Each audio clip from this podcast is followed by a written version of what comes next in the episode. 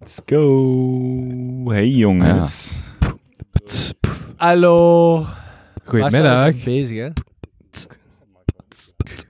Junto. Wel, ja, ik hoor, ik hoor het niet. Nee, Oh, ik, ik hoor jullie ook niet, maar het klinkt allemaal goed door de, port- door de niet door de portefeuille, maar wel door de koptelefoon. Klinkt goed. Klinkt alright. Alright. Maar Jozef is hier nog een berichtje aan het sturen naar onze volgers. Oké. Pasha, wil ik even omschrijven waar we zitten? Misschien is Oké, man, begin maar. Pasha, praat in die microfoon zijn al-.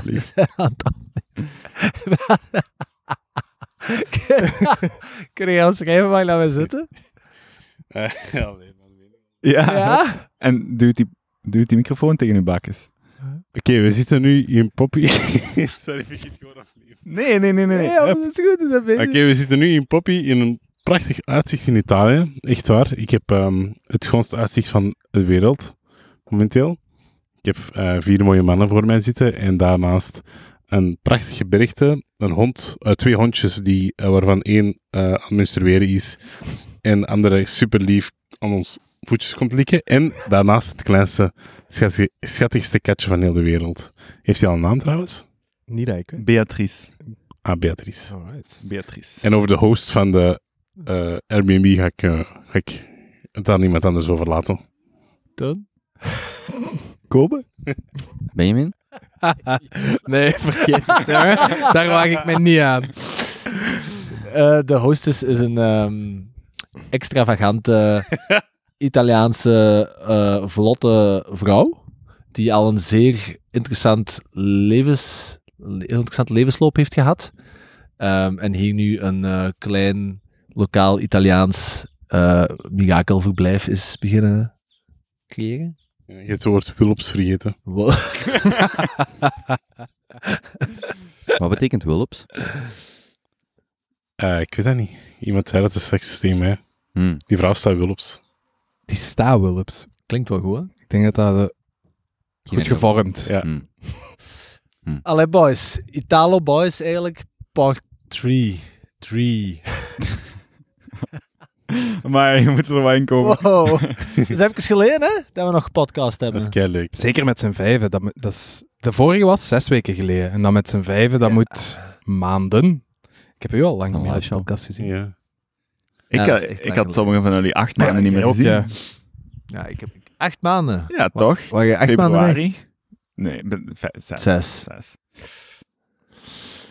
Ja, ik ben wel blij dat we opnieuw samen mogen zijn op deze mooie locatie. Ja. En nog eens eh, lekker gezellig met snel kunnen opnemen. Mhm. Het is weer mooi gekozen hier ook. Hè. Ja, dat is wel heel mooi. Zeker. Mogen niet klagen. We hebben, wel- we hebben de laatste dagen al gedaan. Willen we iets delen met de luisteraar? Ik denk dat we vooral niet veel gedaan hebben. We hebben hier Nee. gezeten, gevegeteerd. Gevegeteerd. Gedronken. Ik heb vooral bemest. Ge- geflaneerd. Kom, wil je misschien vertellen wat er de eerste paar dagen aan de hand was? Ik heb, eh, Misschien moet je starten met je origineel plan. ik heb met mijn, ja, mijn origineel plan was om tot hier te fietsen. Maar niet van België. Nee, nee, nee, nee. Van de bus te pakken en dan te fietsen. Maar ik heb met mijn stomme kop, denk ik, een kleine zonnesteek opgelopen. Waardoor ik al drie, maanden, drie dagen lang echt de boel eh, ja, aan het begaaien ben. Ehm, De boel Sorry, maar begaaien, dat, kennen wij, woord- dat woord kennen wij niet. weet je waarom het niet veilig is om in Gent te zwemmen? Het is daar behaaid. Ehm, Was dat ook echt op het moment zelf op verzonnen? nee, dat is een gerecycleerd mopje. Dat is niet van mij. Ehm, ik heb dat uit een drie jaar horen zeggen, denk ik. Ehm, maar er is een kleine zonnesteek opgelopen, dus ik heb drie dagen echt gewoon de boel liggen.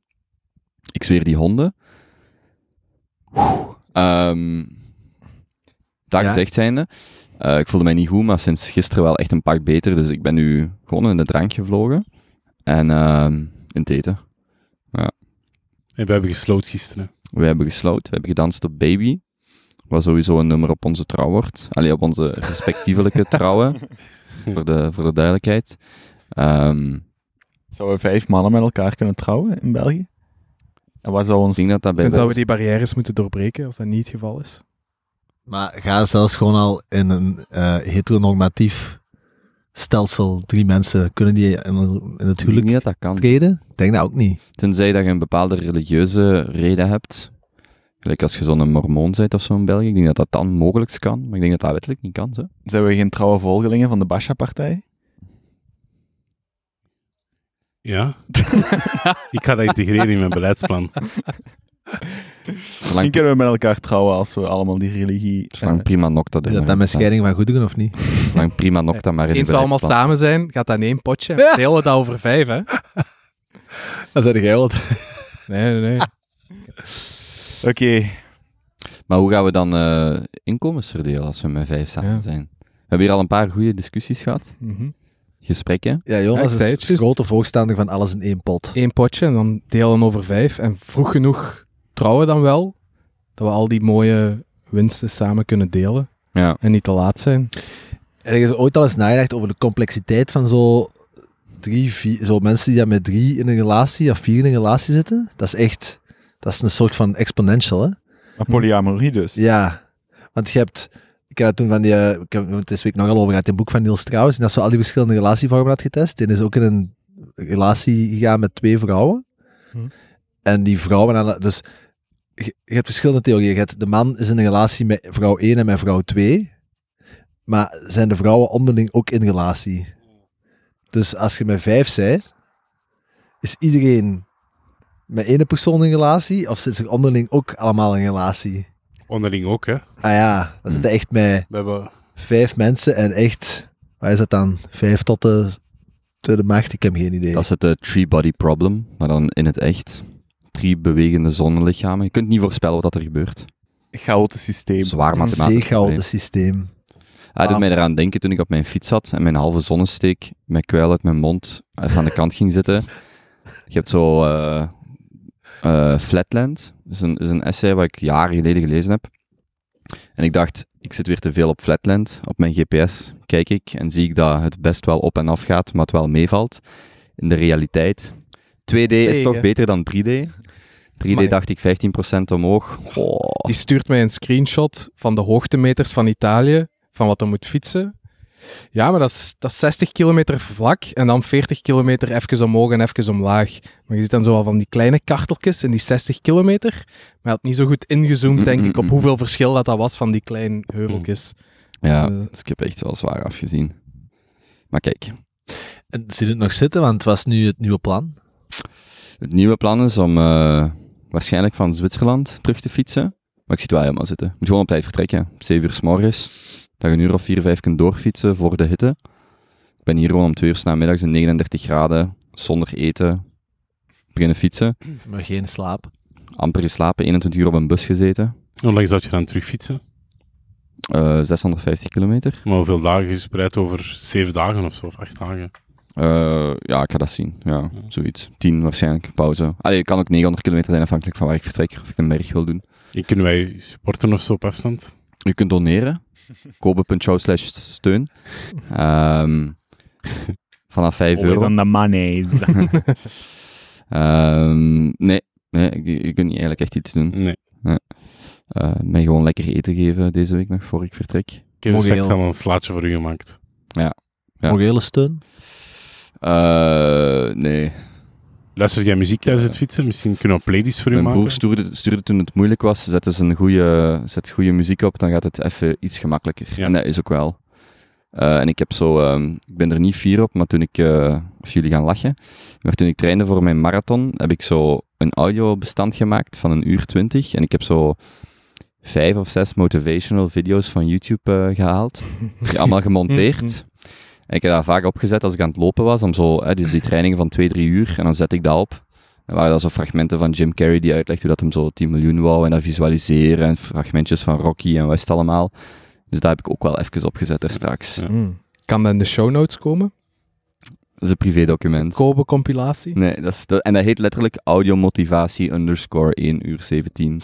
Dus daar heb ik... eh, Maar dat echt- staat nergens publiekelijk. nee, ik heb dat gewoon in mijn, allee, op mijn gsm staan. Maar ik vind dat wel, ik vind dat wel cool om naar te Net dan zo met van die Transformers, Optimus Prime muziek op de achtergrond. Ja, ja, dat is echt zo... oeh, Ja, zo wat gladiator stuff. Ah, Dun, dun, dun, dun. Ja, ja, ja. Dun, dun, dun. Zo. Ja, ja. Tony Robbins. Ja, er zit echt van alles tussen. Er zitten oh, verhalen tussen. Tony Robbins. Arnold. Maar dat is Alles- wel, alles. dat helpt echt zo, s morgens, eh, als ik mij zo brak voel en ik kijk zo'n filmpje op eh, sociale media, Als iemand zoiets motivational zegt, dat kan je echt zo... Dat kan je echt helpen. Zo drie Stuurde zinnen. jij deze morgen weer? Motivational? Ehm, ja, ik heb gemotiveerd... ehm, een Oh, pussy. Ja, Ja. ja, ik zat... Wat jij altijd in de ochtend... Ja, dat kan ik geloven dat jij daar gemotiveerd van Ik heb een filmpje... Ik heb een, ik heb een artikel gelezen in de krant. In de krant. Flair is niet een krant, hè. Jawel. Als er journalisten echt... Clint magazine. Clint, ja.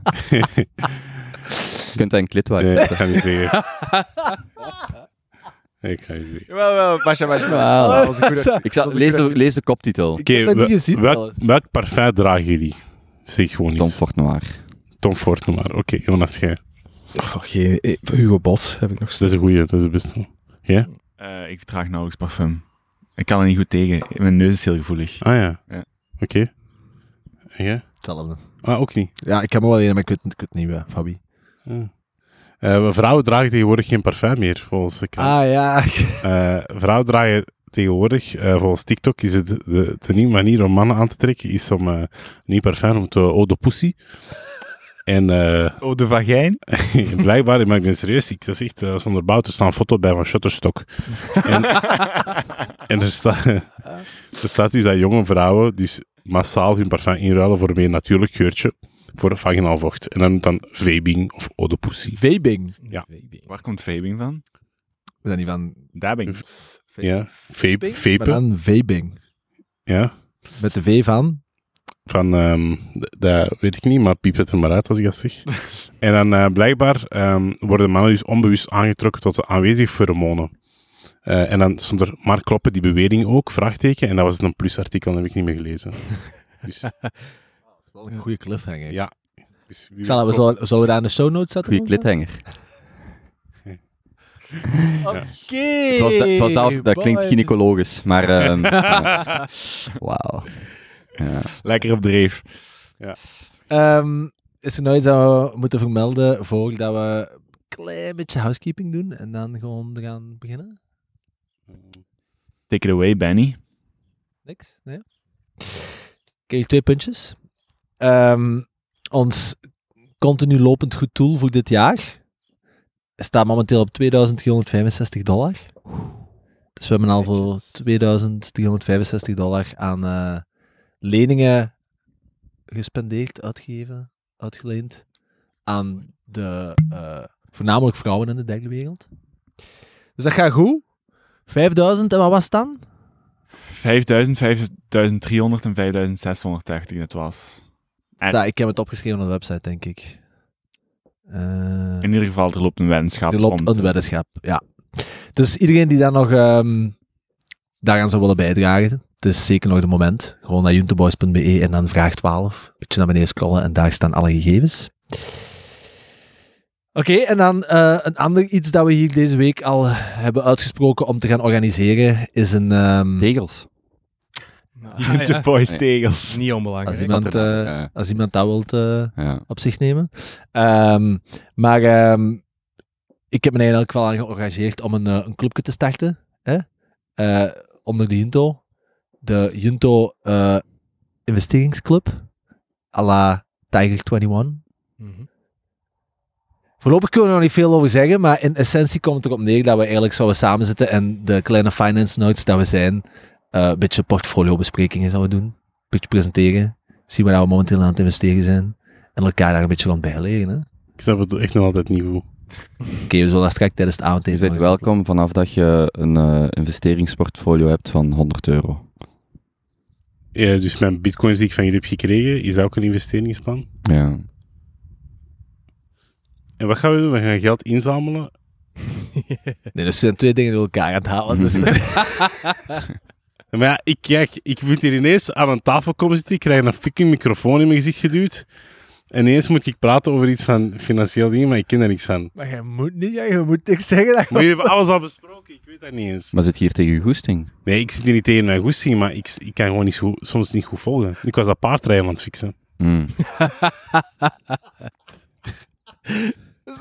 Misschien moet je uitleggen wat we morgen gaan doen. Ja, morgen paardrijden.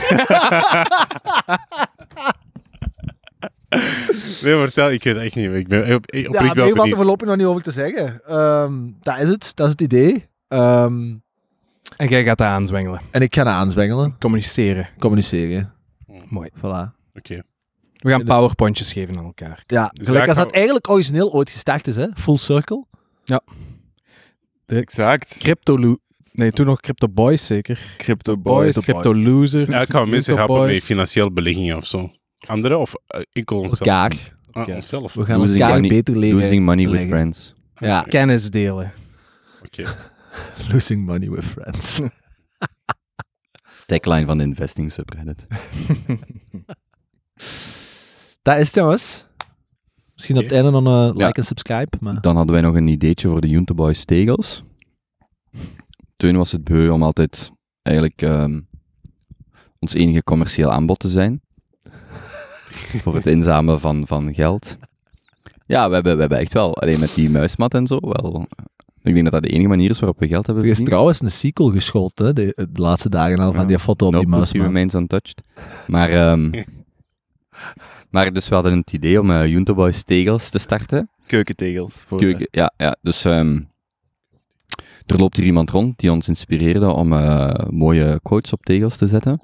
En aangezien wij met ons vijf ook wel best wel leuke quotes hebben, eh, dachten we om die op tegels te gaan zetten. En eh, die kunnen mensen kopen. Dus iemand gaat een Shopify moeten opzetten, een toeleverancier vinden van bedrukte tegels. Ja. Oké. Dus mensen moeten kunnen gewoon pre-orderen. Pak voor 50 euro. We zullen wel zien hoeveel tegels dat, dat zijn. En je krijgt gewoon een verrassingspakketje met 2, 3, 4, 5 tegels, afhankelijk van welke. En wie gaat, dat, wie, wie gaat dat doen? Wie gaat zich daar wel Ik zal de quotes verzinnen. Ik ken iemand die Ah. die tegels eh doet. Ja? Ja, ik waar. Ik vind dat wel cool zo. Schiet er iemand nog zo'n eh, keukenwijsheid te binnen toevallig? Van de laatste dagen. Ja. Er waren wel wat goeie, hè? Ja. Vooral van hem met er ene gezegd. Die, maar ik weet niet wat in on, on air kan gehaald worden, maar ik weet hem niet meer. Gisteren, In dat zwembad. in dat zwembad. Ja, iets met geen regels. Oh ja, maar nee, nee, nee, dat kunnen we niet zeggen. Nee, nee, nee. Goed, oké. ehm, dus eh, veel ideeën, veel projectjes, maar ehm, ondertussen zitten we toch wel mooi op aflevering 70, hè, jongens? Bang bang. Amai. Hey, Pasha, Ik ben wel 70, trots hè? op ons, jongens. dat is toch, dat is toch niet niks? Dat moeten we vieren. Nog 30 en we zitten aan 100. Dus dat is... Amai, dat is Maar wat gaan we doen op ons honderdste? Ja, maar- Kunnen we er al van Ja. dromen, ja? Hè? We gaan voetreflexologie doen. Dat is iets met je voeten, blijkbaar. Oh. Nee, op ons honderdste, dan moeten, we, dan moeten we die live tattoo zitten. Op die 100 Ah, ja, ja, ja, ja. Ja, we moeten altijd een tattoo zitten. Oh, ja. Maar was dat niet met een live show dat we die mensen gingen zetten? live show en ik Ja. ging me Ja. laten tatoeëren? Maar we gingen dat samen allemaal doen. Dat. Ja, juist. Iedere letter zeker. Of ja, iedereen wat liter. Ik zou dat wel zeker doen. Ik doe dat op de Als er honderdste. 500 man in zo'n zaal zit, joh. Oh ja, dat is veel, man. En dan zo'n tatoeëur. Goed. Jongens, dan gaan we gewoon direct eh, overschakelen, hè? Naar eh, vraag 1, Basha. En die luidt... Heb je ooit iets in de histo- historische astrologie iets gelezen dat je interesseert? Of een laatste boek eh, onlangs gelezen of een quote? Ja, ja, maar je zat er dichtbij. Maar hoe gaat het met u? Dat vat de Junto wel goed samen, die vraag. Ik weet dat echt niet meer van bij. Zelfs niet gedronken. Hoe gaat het? En eh wat is uw persoonlijk hoogtepuntje Ah. stressje geweest?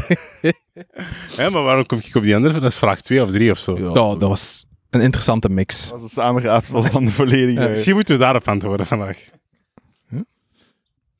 Maar eh, het, is, het is bij u het langst geleden, denk ik. Dus misschien dat jij de spits afbijt Ah, met ja. uw hoogtepuntjes en stressjes. Ik voel al dat dit een heel Basha-heavy aflevering gaat worden. Dat gaat de luister, luister, luistercijfers zeker ten goede komen. Niet of wel? Jawel, Zeker, ja. Je bent de publiekslieveling. Maar ik ben echt brak, jongen. Ik, eh, dus mijn hoogtepunt is, eh, is uiteraard ehm, mijn, eh, mijn, mijn, mijn superleuke sit op Tomorrowland. Echt waar. Dat was echt heel fijn. Bedankt om mij allemaal een berichtje te sturen om mijn succes te missen, trouwens.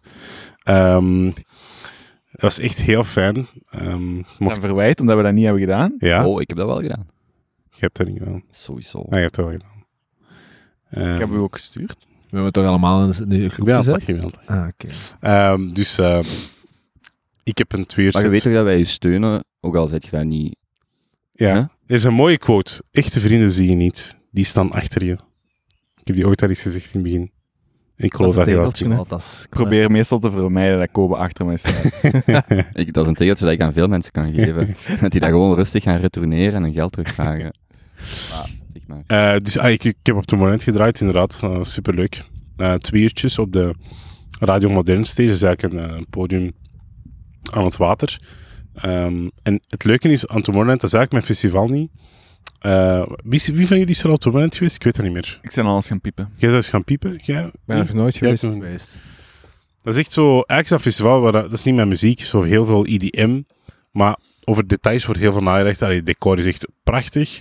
Ehm, het, maar het leuke is dat ik daar mijn R&B set kan, kan draaien. Dus ik kan eigenlijk gewoon draaien wat ik wil. Dus ik heb daar drum and bass gedraaid, R&B, een beetje house. Ehm, de muziek is zelfs één keer stilgevallen. Dus dat zijn echt zo superleuke momentjes. Ehm, maar de sfeer is eigenlijk super, allee, is echt heel, heel aangenaam, omdat iedereen daar ook gewoon ziet van... ehm, iedereen wil zo connecteren. Dat is zo precies in de winkel, word je zo aangesproken van, als je gaat shoppen, van, moet jij, kan ik je helpen, kan ik je helpen? En dan word je zo lastig. Van, laat me met rust, ik wil gewoon winkelen. Maar op het moment is dat niet. Iedereen begint tegen u te praten, maar eigenlijk is dat wel aangenaam. Dat is zo de betere versie. En ja, ik heb het weer mogen draaien, was heel tof. En heel veel reacties en eh, mensen met Libanese vlag. Dus dat is altijd leuk om zo je eigen cultuur wat te zien. Ehm, Dat is zalig, ja. Maar er stond echt iemand met een Libanese vlag. ja, zo ik denk een groepje van 10 of 15 man. Ehm, en allemaal zo aan het roepen en zo. En eh, Gasten die u kennen of? Van Polta! ik weet het niet. Ja, ik weet niet wat die riepen eigenlijk. De muziek stond te luid. Dus eh, ja. Maar nee, het was, eh, maar het was, eigenlijk, het was eigenlijk super leuk. En ehm, mijn, mijn stressje van, van, van die dag, of op dat moment, was dat ik na die twee uur zit echt, ik was echt bek af. Ik kon echt gaan liggen en moest echt gaan slapen of zo. Omdat dat zo intens was. En dat heb ik nog niet veel gehad. Mijn je voor Average Rob gebleven? Voor? Average Rob? Eh, nee. Die, Ik eh, dacht dat je hem graag wou zien. nee, die moest overpakken, maar ik heb hem maar zijn ding laten doen. Hm. Ehm, ja. Ik zou denken dat uw stressje Ryanair was. En stress Reiner, onderweg naar jullie. Ja. Ja, ik had eigenlijk wel... Ja, inderdaad. Dus na Tomorrowland moest ik eigenlijk de volgende dag de vlucht pakken naar deze gasten hier. Dus ik ben er uiteindelijk wel geraakt, zoals jullie kunnen horen. Maar... eh, ja, mijn vlucht was vertraagd en die communiceren voor geen meter bij Ryanair. En dat is echt wel frustrerend. Dat is wel waar, eigenlijk. Ja. Dus ik was, eh, ik was aan het zitten van de luchthaven, omdat ik eh, misschien er niet ging geraken, omdat ik al mijn verbindingen ging missen. Ehm, en er was ook niemand van jullie die voorstelde mij te komen halen in Bologna. Eh, Zes uur rijden op en af, voor de duidelijkheid. Ik zou dat voor jullie doen. Dus uiteindelijk heb ik een hotel geboekt in Bologna. Maar ik heb daar uiteindelijk ook terug twee eh, Libanese gasten ontmoet. Eh, die hebben mij eh, gratis eten gegeven. Eh, en nu ben ik hier geraakt. Hadden die je niet kunnen brengen? Wat? Hadden die je niet kunnen brengen? Die hebben mij eten gegeven. Komen. Dus, nee. dus ik heb eigenlijk een mooie reis gehad al. Maar wij geven nu bitcoin. Ja, dat is, wel, is Ja. helemaal gecrashed. 18 euro. Je geeft mij bitcoin en een maand later is dat echt zo laag als iets. Terwijl die al twee jaar zitten zeggen dat dat echt shit is. Doe maar, Jozef, doe maar. Investeer maar, dat gaat wel groeien. Doe maar.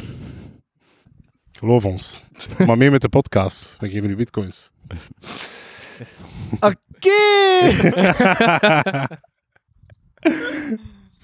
Ja. Dat is mooi. Ja. Komen. Denkt u?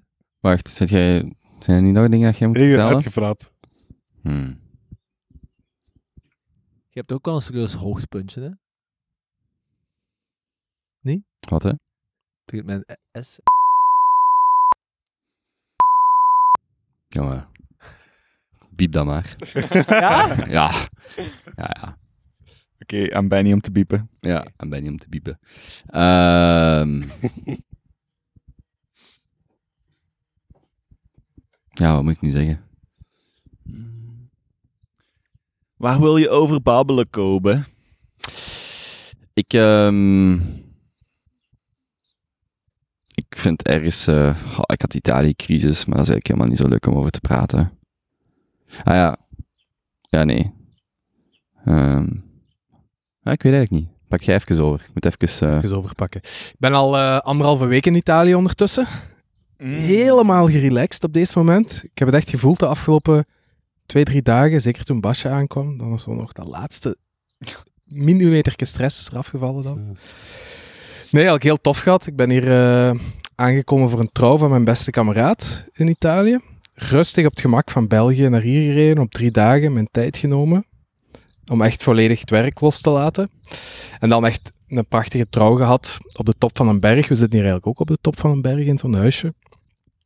Is een kei grote villa, waar dat we met 50 man of zo zijn blijven slapen. En drie dagen aan een stuk een trouw hebben gevierd. Ik heb meestal zo wat mixed reviews van trouwen. In het begin is het allemaal heel leuk om zo naar een trouw te gaan, maar na een tijdje komt er toch zo'n lichte... sleur is nu wel een groot woord in, maar soms kan die ceremonie zo wel lang duren en je hebt eigenlijk gewoon wat honger, je wilt gaan feesten. Maar deze was echt de max, van begin tot einde. We zijn er aangekomen met een pizzaparty. Heel mooi ingericht allemaal. Kei mooi gezet. Dan de ceremonie gedaan. Ook een klein speechje moeten geven. Jij? Ja. Hmm. Ik was ook best man en getuige en zo. Dus, eh, Ah. Wacht, is Iets best man getuige? Of is dat een verschil? Ja, ik was dus ook in de war de hele tijd op de trouw. Ik had geen flauw idee wat ik daar nu eigenlijk kwam doen, maar ik was zeker best man, eh, maar ook getuige, denk ik. Ik geloof dat er dan dat zijn broer en zijn zus ook getuigen zijn en dat dat de mensen zijn die mogen tekenen Ja. op het stadhuis. Ja. En als best man zet je dan de eerste support en vooral de organisator van de vrijgezellen. Ja. Ehm, maar dan waren er eigenlijk nog twee andere kerels. Maar ja, bij, langs de vrouwenkant zijn dat dan de bruidsmeisjes. Langs de man zijn kant zijn dat dan de... Ik heb geen flauw idee. Bruidegommetjes. Bruidegommetjes, voilà. Extra punt als Ja, exact. Eh, nee, maar wel oprecht een van Dat is de... een grapje, hè? Piep dat er ook maar uit. hè. Eh, een van de mooiste ceremonies die ik al eh, heb meegemaakt van alle trouwen. Ja, misschien ook omdat dat mijn beste kameraad is. Omdat ik die... Ik ken die al ja, mijn hele leven eigenlijk, van voor mijn herinneringen. Dus we hebben alle twee een zus die gehandicapt is. We gingen ieder jaar op reis met, de, met ons gezin. We hebben elkaar daar leren kennen. Dat heeft zich dan zo verder gezet. Heel emotionele speeches en zo. Maar die kerel die heeft ook, eh, heb ik denk ik nog wel eens gezegd op de podcast, die heeft ook kanker gehad. Eh, vrij serieus wel. Ehm, dus die heeft ook echt even gedacht dat dat moment van die trouw er nooit ging komen. En ik word al emotioneel als ik daaraan denk. Maar dat is, eh, dus dat was wel dat is echt een enorm hoogtepunt om die mens dan te zien trouwen met de vrouw van zijn leven. En je merkte dat ook gewoon aan die familie, aan hem, aan haar. Super mooi. ja, en dat was het hoogtepuntje van, van deze vakantie. En het zet zich nu eigenlijk nog allemaal verder. Zo volledig ontkoppeld. Alleen maar mooie momenten tot nu toe. Nog geen stressjes, geen zonneslagen, geen... Ja, heel mooie aan de vakantie. kant van Jonas, je ziet het niet. is mooi, hè? Ja, ja, ja. Is die- is is volledig genezen? Ja, ja, dat is eigenlijk wel maf. Eh, ze hebben dat, hij was aan het trainen voor een marathon. Eh, dus hij zijn lichaam stond al heel veel onder stress, maar die begon echt heel veel last te krijgen. Maar omdat hij zo aan het trainen was, dacht hij van ja, dat zal wel komen omdat ik iedere dag zoveel kilometer aan het lopen ben en mijn lichaam is dat niet gewoon. Eh, maar dan is hem op een gegeven moment echt niet meer kunnen opstaan. Heeft zijn vriendin gezegd, nee, ga toch maar naar de dokter. En toen hebben ze eigenlijk direct die dag hem naar spoed is dat niet, denk ik, maar wel naar het, naar het ziekenhuis echt gereden. Die zat toen ook nog remote te werken in Barcelona. Dus zijn vriendin woonde nog in Brussel. Hij woonde in Barcelona, dus die moesten al op en af vliegen. Dan hebben ze hem eigenlijk direct die dag of de volgende dag terug naar België gestuurd. Naar het ziekenhuis in Leuven. Naar zo de betere dokters. En op zoek gegaan naar wat is het nu eigenlijk. En dan had hij lymfeklierkanker. En dat is een vrij serieuze versie van kanker, want dat zit over je heel lichaam. Je lymfeklieren. Ik ben geen expert, hè, maar eens dat je dat hebt en dat begint uit te zaaien, dan komt dat echt in je heel lichaam terecht. Dus het is niet dat je gewoon een operatie kunt doen om dat weg te nemen.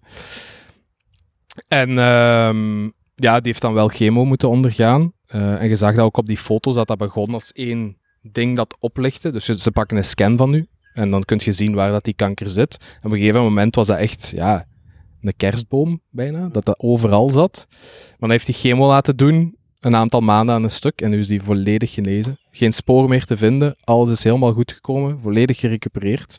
Maar ja, soort het gehoord en die vak dat chemo echt zo'n Nee, nee, nee. impact heeft. Die is er echt volledig van af. Dus geen spoortje kanker meer te bespeuren. Hij heeft ook al zijn haar terug ondertussen. Dus dat was ja, een maf momentje. Zeker een hoogtepunt. Zeg, als je dan zo op een trouw bent, Mhm. begint dan zelf iets te kriebelen? De krieb- ik vind dat wel altijd heel mooi. Hè. En ik vind zo... Dat is niet wat ik Die bedoel. ik weet het. Die relatie aangaan ook wel heel tof. Maar eh, ja, we zullen zien. Hè. Hoe ziet uw ideale trouw eruit? Hoe ziet mijn idee? Ah, wel, je lacht ermee, maar toen ik hier aankwam... Hé jong, ik vind dat wel een mooie locatie. Voor mij moet dat niet zo met honderden mensen zijn, zo'n kleine groep. En als hier dan ook nog zo'n... eh, wat was ze nu weer aan het maken? Zo'n glamping heeft, dat er wat meer volk kan blijven slapen. Voor mij is dit echt perfect. Ik deel dat helemaal. Jongen, zo... Uw familie, een paar close friends, een paar getuigen. Dat is perfect. En dan Hoe zit ziet je... uw ideale huwelijksaanzoek eruit? Fuck off, gast. Ik bedoel, maar de vrouw doet hè, daar hebben we het over gehad hè. Ja, ja, dat is waar. Ja, ik ben nog altijd aan het wachten. Eh, ze Ja. weet het wel. Maar. Ze luistert ook, hè. ja, ja, tuurlijk. Ze weet het wel. Elke als je dit hoort, Ik wacht. Hè. Is dat we wachten waar? allemaal, hè. Moet elke het vragen. Want hij kan, hè, tegenwoordig, we moeten woke zijn. Hè. We moeten woke- Nee, nee, nee. Voilà, dat was hem. Heb jij ondertussen al iets gevonden? Nee, ik kan nog even wachten. Teun, hoe gaat het met u? Eh, goed, goed, goed, goed. Heel blij om jullie allemaal terug te zien. Het voelt alsof ik zo ehm, ja, terug ben van weg geweest of zo. Terug in de oude, vertrouwde omgeving. Ehm, ja, eh, een halfjaartje rondgetrokken, hè, zo de kust van Europa. Ehm, ook heel veel gereisd voor het werk. Eh, op verschillende plekken gezien. Ik heb onlangs zo met een Google Maps timeline eens bekeken. Ja, dat is een beetje, beetje belachelijk, maar ook super cool. Ehm, ja, en welk hoogtepuntje moet ik daar nu uitspinnen? Ehm, ik denk dat ik het afgelopen half jaar zo een beetje heb kunnen voelen wat er gebeurt als je heel veel zaken eh, aan de kant smijt of heel veel zaken achterlaat, waaronder uw vrienden, uw familie, uw vertrouwde omgeving, eh, luxe eh, en zulke zaken. Ah, niet volledig achterlaat, maar toch deels. En, en wat er dan gebeurt als je je gewoon focust op, op één of twee of drie van je doelen, als in in een goed team terechtkomen en een van uw interesses nachasen. Of eh, echt ja, uw, uw, uw tijd gewoon verdelen over werken en surfen. Ehm, En en ook wel heel cool dat je zei dat je nu echt aan het nastreven bent om peak fysieke performance te behalen. Ja, dat is een van die doelen, ja. Ja, ja dus je, merkt gewoon, als je je echt begint te focussen en je hebt de luxe om je echt te focussen en er zitten geen kinderen rond en je zit mentaal en, en fysiek gezond, dan kun je gewoon heel snel heel ver geraken. Ehm, is dat allemaal heel comfortabel? Zeker niet, want er komt ook enige eenzaamheid en stress en vermoeidheid bij kijken. Dus dat is zeker aanwezig, ondanks dat ik in de ogen van sommigen misschien zo'n Instagram-leven leid. Uh, maar dat is zeker niet zonder, zonder uh, dat is niet allemaal roze geur en maneschijn. Um, maar het was heel inspirerend om gewoon te zien van, oké, ik had een x-aantal doelen. Na een half jaar kan ik er daar gewoon echt drie van de vijf afstre afstrepen, want ik ben op de plek waar ik wil zijn. Wilde zeggen welke dat er nog openstaan? Uh, goh, ja, fysiek gezonder worden is één daarvan. Kunnen zelfs misschien een rondje doen van over twee jaar. Hebben we dat niet allemaal gezegd, een paar dagen geleden? Doelen van over Uh, twee jaar? No, kan daar wel op komen. Dat is wel wat persoonlijks, hè?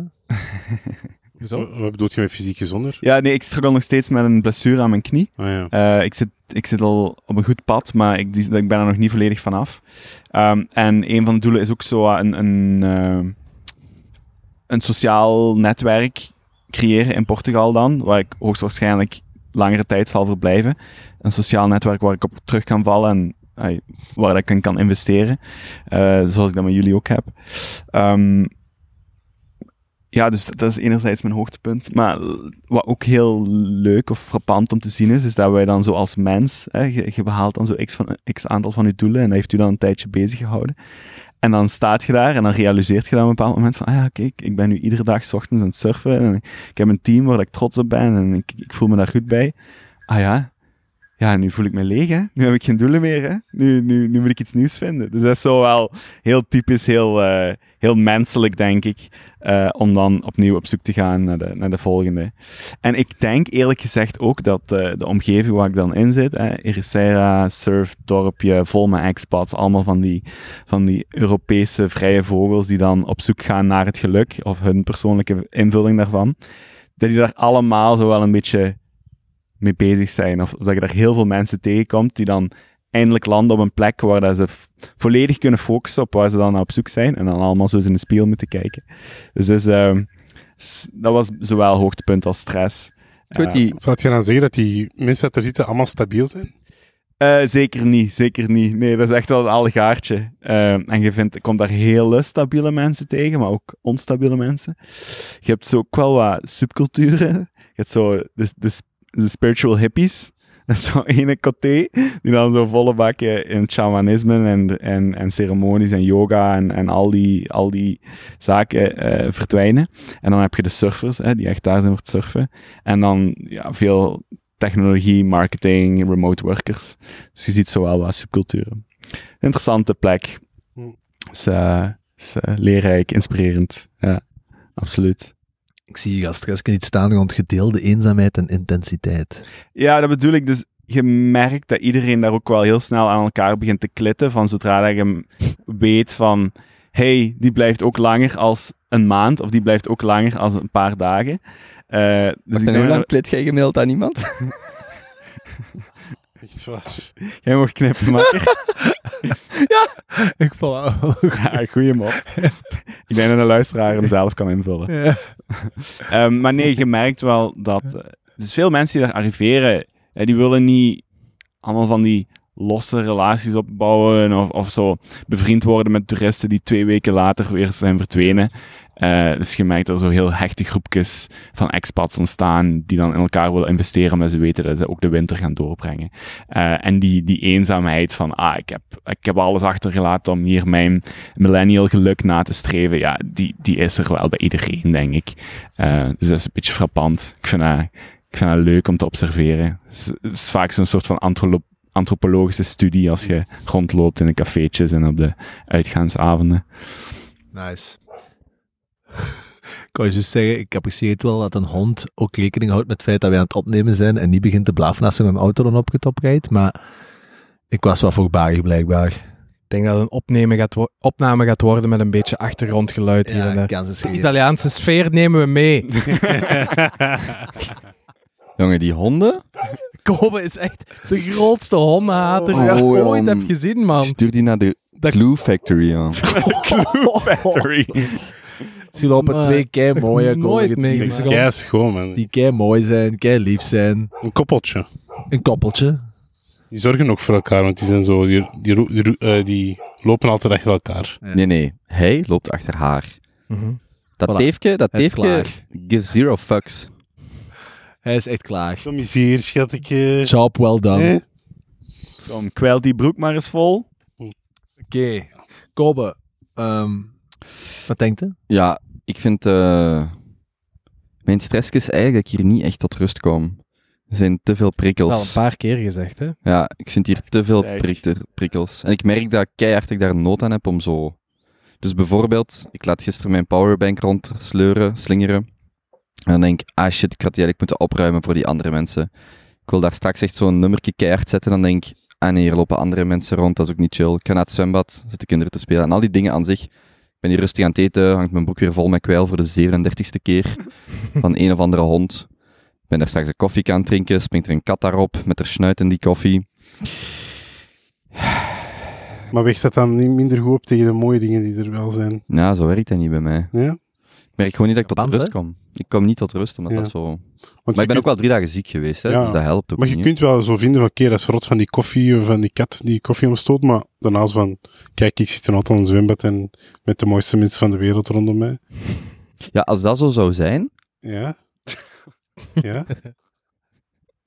Nee, maar ik, ik merk dat gewoon. Ik vind dat moeilijk om tot rust te komen. Maar dat is ook wel omdat ik, omdat ik me ziek voelde de eerste dagen. Zeg je aan het Ah. mediteren? Maar ik was wel net aan het denken, ik moet terug beginnen journalen. Dat is echt eh, dat van mij afschrijven. Mhm. Dat moet er Ik moet ergens ook wel zeggen, ik had het nog aan het denken, toen die periode dat je echt consistent hebt gemediteerd, ik merk wel echt dat toen dat, dat is zo, want dat, dat, dat, die kant had je altijd wel wat gehad, hè, maar dat dat toen precies veel minder was. Ja. Als ik daar aan terugdenk, aan die periode. Ik merk dat hier, ik heb echt zo rust nodig aan zo... Voor mij is dat heel belangrijk om niet in mijn hoofd te zitten. En het is een plek waar ik nog te veel in mijn hoofd zit. Omdat ik te veel nadenk over dingen of zo rekening moet houden met. En dat is voor mij heel vermoeiend. Ik vind het leuk als ik zo met niks rekening moet houden. Allee, of weinig. Dat geeft mij, ja. Ik snap dat wel volledig. Hè. Ik had normaal deze vakantie ook op de heenweg en de terugweg en tussenin expliciet dagen ingepland voor mezelf. Om gewoon op mezelf te zijn, volledig rust. Geen rekening houden, bewust of onbewust. Zoals hier heb ik bijvoorbeeld niet het gevoel dat ik zoveel rekening moet houden, maar onderbewust, ja, je moet natuurlijk wel overeenkomen met wat je gaat doen, of hoe dat het in elkaar klikt, of wie wat regelt of zo. En uiteindelijk is dat er helemaal niet van gekomen. Dus ik heb nu geen enkel momentje gehad op mezelf. Dus ga ik in augustus toch nog grap zo'n weekendje ertussen pitsen, omdat ik gewoon voel dat, dat, ja, dat, dat ik dat anders niet uithoud. Dat ik eff- even gewoon op mezelf moet zijn, met niemand rekening houden. Wacht, en waar gaan we dan naartoe? Maar boys, Fuck off. Je bent niet uitgenodigd gekomen. Ah. Voor een speciaal avondje. Maar als jullie zo willen doorstijgen naar een volgende fase van jullie leven of een volgende commitment in jullie leven, dan gaat je toch juist meer en meer rekening moeten houden met anderen. Ja, maar het gaat om de mate waarin dat je, denk ik, ehm, controle hebt over wat je rust bepaalt of niet. Like, ik vind dat bijvoorbeeld niet erg, like vorig jaar, om naar een winkel te gaan, koken, dat soort dingen, dat hoort erbij, dat is rekening houden, maar dat is overzichtelijk. Maar s'morgens gewekt worden door een zevenjarige die wakker is, dat is, zo, dat is niet mijn notie van een vakantie, dus daar kan ik dan disproportioneel onnozel van worden. Maar als hij een eigen Zo. kleine was. Ah nee, dan weet ik dat. Dan zeg Ja, ik dat gewoon. Dan vertrek ik op reis en denk ik, ik ga met mijn kinderen op reis. Die gaan janken om 7 uur s morgens. En dat is zo. Ik daar juist aan dat zwembad. En je kleine komt naar zijn papa. En die zegt, ik wil appeltaart maken. En die beginnen daar een heel gesprek over appeltaart. En ik denk, dat is toch zalig? Maar je weet, als je met je kind op reis gaat, ja, dat je dag bestaat uit appeltaart maken. maar ik weet niet, als ik op reis ga, dat ik mijn verhaal moet horen om hoe je appeltaart maakt. zo, dat is zo'n beetje de... Ja, ik snap het wel. Allee, zo de... Oké, en wat kunnen wij doen om u de komende drie dagen nog te entertainen of om u rust te laten vinden? Je moet dat zelf ah, accepteren. Maar kunnen wij u erbij helpen? Ik zou ook Oh. groepsmeditatie doen. Er is iets wat te maken heeft met uw lippen en mijn lippen. Nee, nee. eh, Dus we moeten knippen op eh, Lippen. 24 Ja, minuten, op zeg. 35 We minuten zijn en zo op prut 41 geworden. Ja, we zo hebben toch echt al ergere dingen gezegd dan Zeker al eigen dingen. Waar komt dat niet oh ja, van? als we allemaal moeten knippen, dan gaan we het niet publiceren. Maar, ehm, ja, nee, ik denk dat wel. Maar dat ik misschien ook samen met mijn hoogtepuntje, toen ik ben teruggekomen uit Portugal, ik echt het gevoel van, ik kom terug omdat ik mijn routine in Antwerpen mis. En dat was eigenlijk echt een goed moment om dat te beseffen. Van, je leven heeft eigenlijk een bepaalde balans. Is goed om daarop te focussen. Ja. Daar zit ik nog een stukje in. Dan hoop ik dat je rust vindt de komende dagen. Het is wel belangrijk. Zo rot om op vakantie te gaan en terug te komen en eigenlijk zo niet uitgerust te zijn. Of dat batterijtje niet hebben kunnen ontladen. Ja, maar ik heb nog twee maanden vakantie. hè. Mijn verlof is net begonnen. Ik ga nog Na die twee maanden de Hé, Hawaii. hey, gast, trek dat plannen zeg. dan, begin, dan begin ik terug te werken. Ah ja. Ja, Ja. ja ik, eh, ik ben, ik ben farmer geworden. Nee. Farmer. Eh Yield zoekt trouwens farmer. nog een tijdelijke job. Nee, Ja, permanent. Permanente job, sorry. Halftijds. Maximum 19 uur per week. Iets met de handen bezig zijn. Ja, ik zoek echt wel een, een vaardigheid gedreven werk. Met uw handen met mensen bezig zijn. Of gewoon... Dat mag. Maar handen en mensen wordt wel dan liever ofwel met mijn handen of met mensen, maar ik wil vooral niet hoeven na te denken. Dus order pikken, maar daar groei ik niet echt. In een keuken staan, messen slijpen, alleen messen maken. Appeltaart maken. Eh, als je echt ergens goed in kunt worden, de beste Ja, appeltaart ik denk eh, oprecht zoiets met skills, houtbewerking, elektricien, loodgieter. Bijvoorbeeld, ik bracht mijn fiets binnen voor onderhoud en Ja, ze zochten daar een fietsmechanieker. Zoiets? Maar we hebben deze week al geleerd dat je nooit gelukkig bent geweest als dat je bij Carglass werkte. Moet je dat niet gewoon... Allee, je hebt je droeping eigenlijk gevonden, vroeg in het leven, hè? Ja, ja. Dat had wel een bepaald... Ja, maar het probleem is, dus bijvoorbeeld, ik had als kind altijd, mijn plan B is altijd ge- geweest om buschauffeur te worden. Dus ik dacht altijd, als het volledig misgaat met mij, word ik buschauffeur. En dan ga ik zo van die lange ritten doen naar Italië. Dus ik kijk, ik kom naar hier met de bus en ik zie die buschauffeur en ik denk, in een parallel universum ben ik dat nu aan het doen. En ik vind daar superveel rust in, want je moet niet nadenken, je moet gewoon rijden, gewoon... sst. En dat kan nog steeds, maar je groeit niet als persoon. Hetzelfde met Carlos, ik vind dat zalig. Je groeit wel als persoon. Maar Ja, in de verkeerde... Ja, dus, dus ik wou altijd buschauffeur worden, tot ik de gemiddelde buschauffeur zag. En dan dacht ik, ja, misschien ook niet de beste keuze. Maar ik vind wel bij Carlas, dat gaf mij rust. Intikken, ruiten pikken, beetje flauw doen, uittikken, naar huis, volgende dag opnieuw. 30 jaar aan een stuk, dat is toch zalig? Ik heb die mens eigenlijk nooit zo gelukkig now. gezien als ophalen van zijn jobje bij Carglass. Ja, ja. Dat was echt Carlas pure was ik echt extase. legit gelukkig. Pure extase. maar wat houdt u tegen? Omdat je daar niet in groeit. Dan zit je gewoon arbeider. Maar, Maar je, dat is je- contradictie, hè? De Nee, jobs nee, maar ik wil wel. Nee, maar bijvoorbeeld als ik bijvoorbeeld morgen zou leren messen maken, bijvoorbeeld, dan zit je wel nog. je- Ik wil wel een, uitgedaagd worden in wat ik doe. Bijvoorbeeld een brood, brood leren bakken, daar kun je echt wel uitgedaagd in worden en nu 20 jaar bezighouden met het je, beste kunt brood dat, je kunt dat in iedere job. Ik was onlangs met onze opa aan het babbelen, 96 jaar, en ik kan er ja, niet meer zoveel tegen zeggen. Dus wat ik vaak doe, is oude verhalen ophalen uit die zijn beroepstijd. En die heeft met een eh, camion gereden om mortel, beton te storten.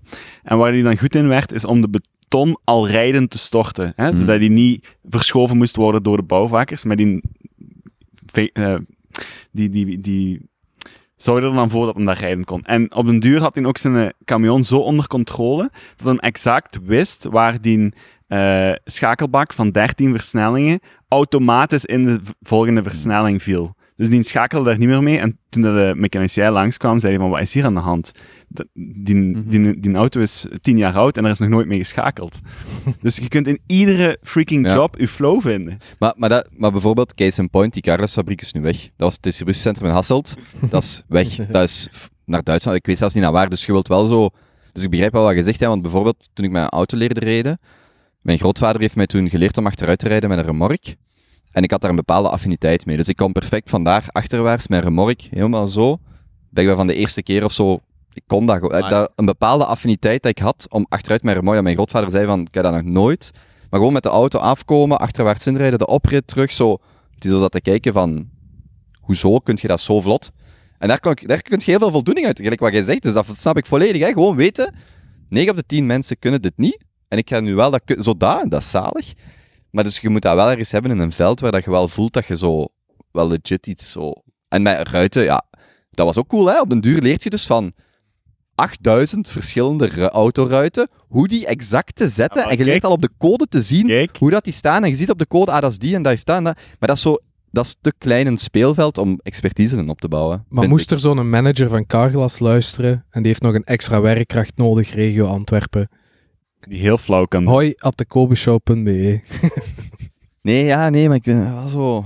Zo'n harde skill of zo. Ja, ik Ja, denk dat oprecht. Zo leren koken of zo, in een keuken. Ik denk dat dat echt heel, heel cool zijn, ja. kan zijn. En er is altijd tekort aan, hè, aan zo'n mensen die een beetje willen werken met skills. Zeker, gang. Dat zijn maffe dat. Ik mannen. ben ook wel echt iemand die een beetje wilt werken.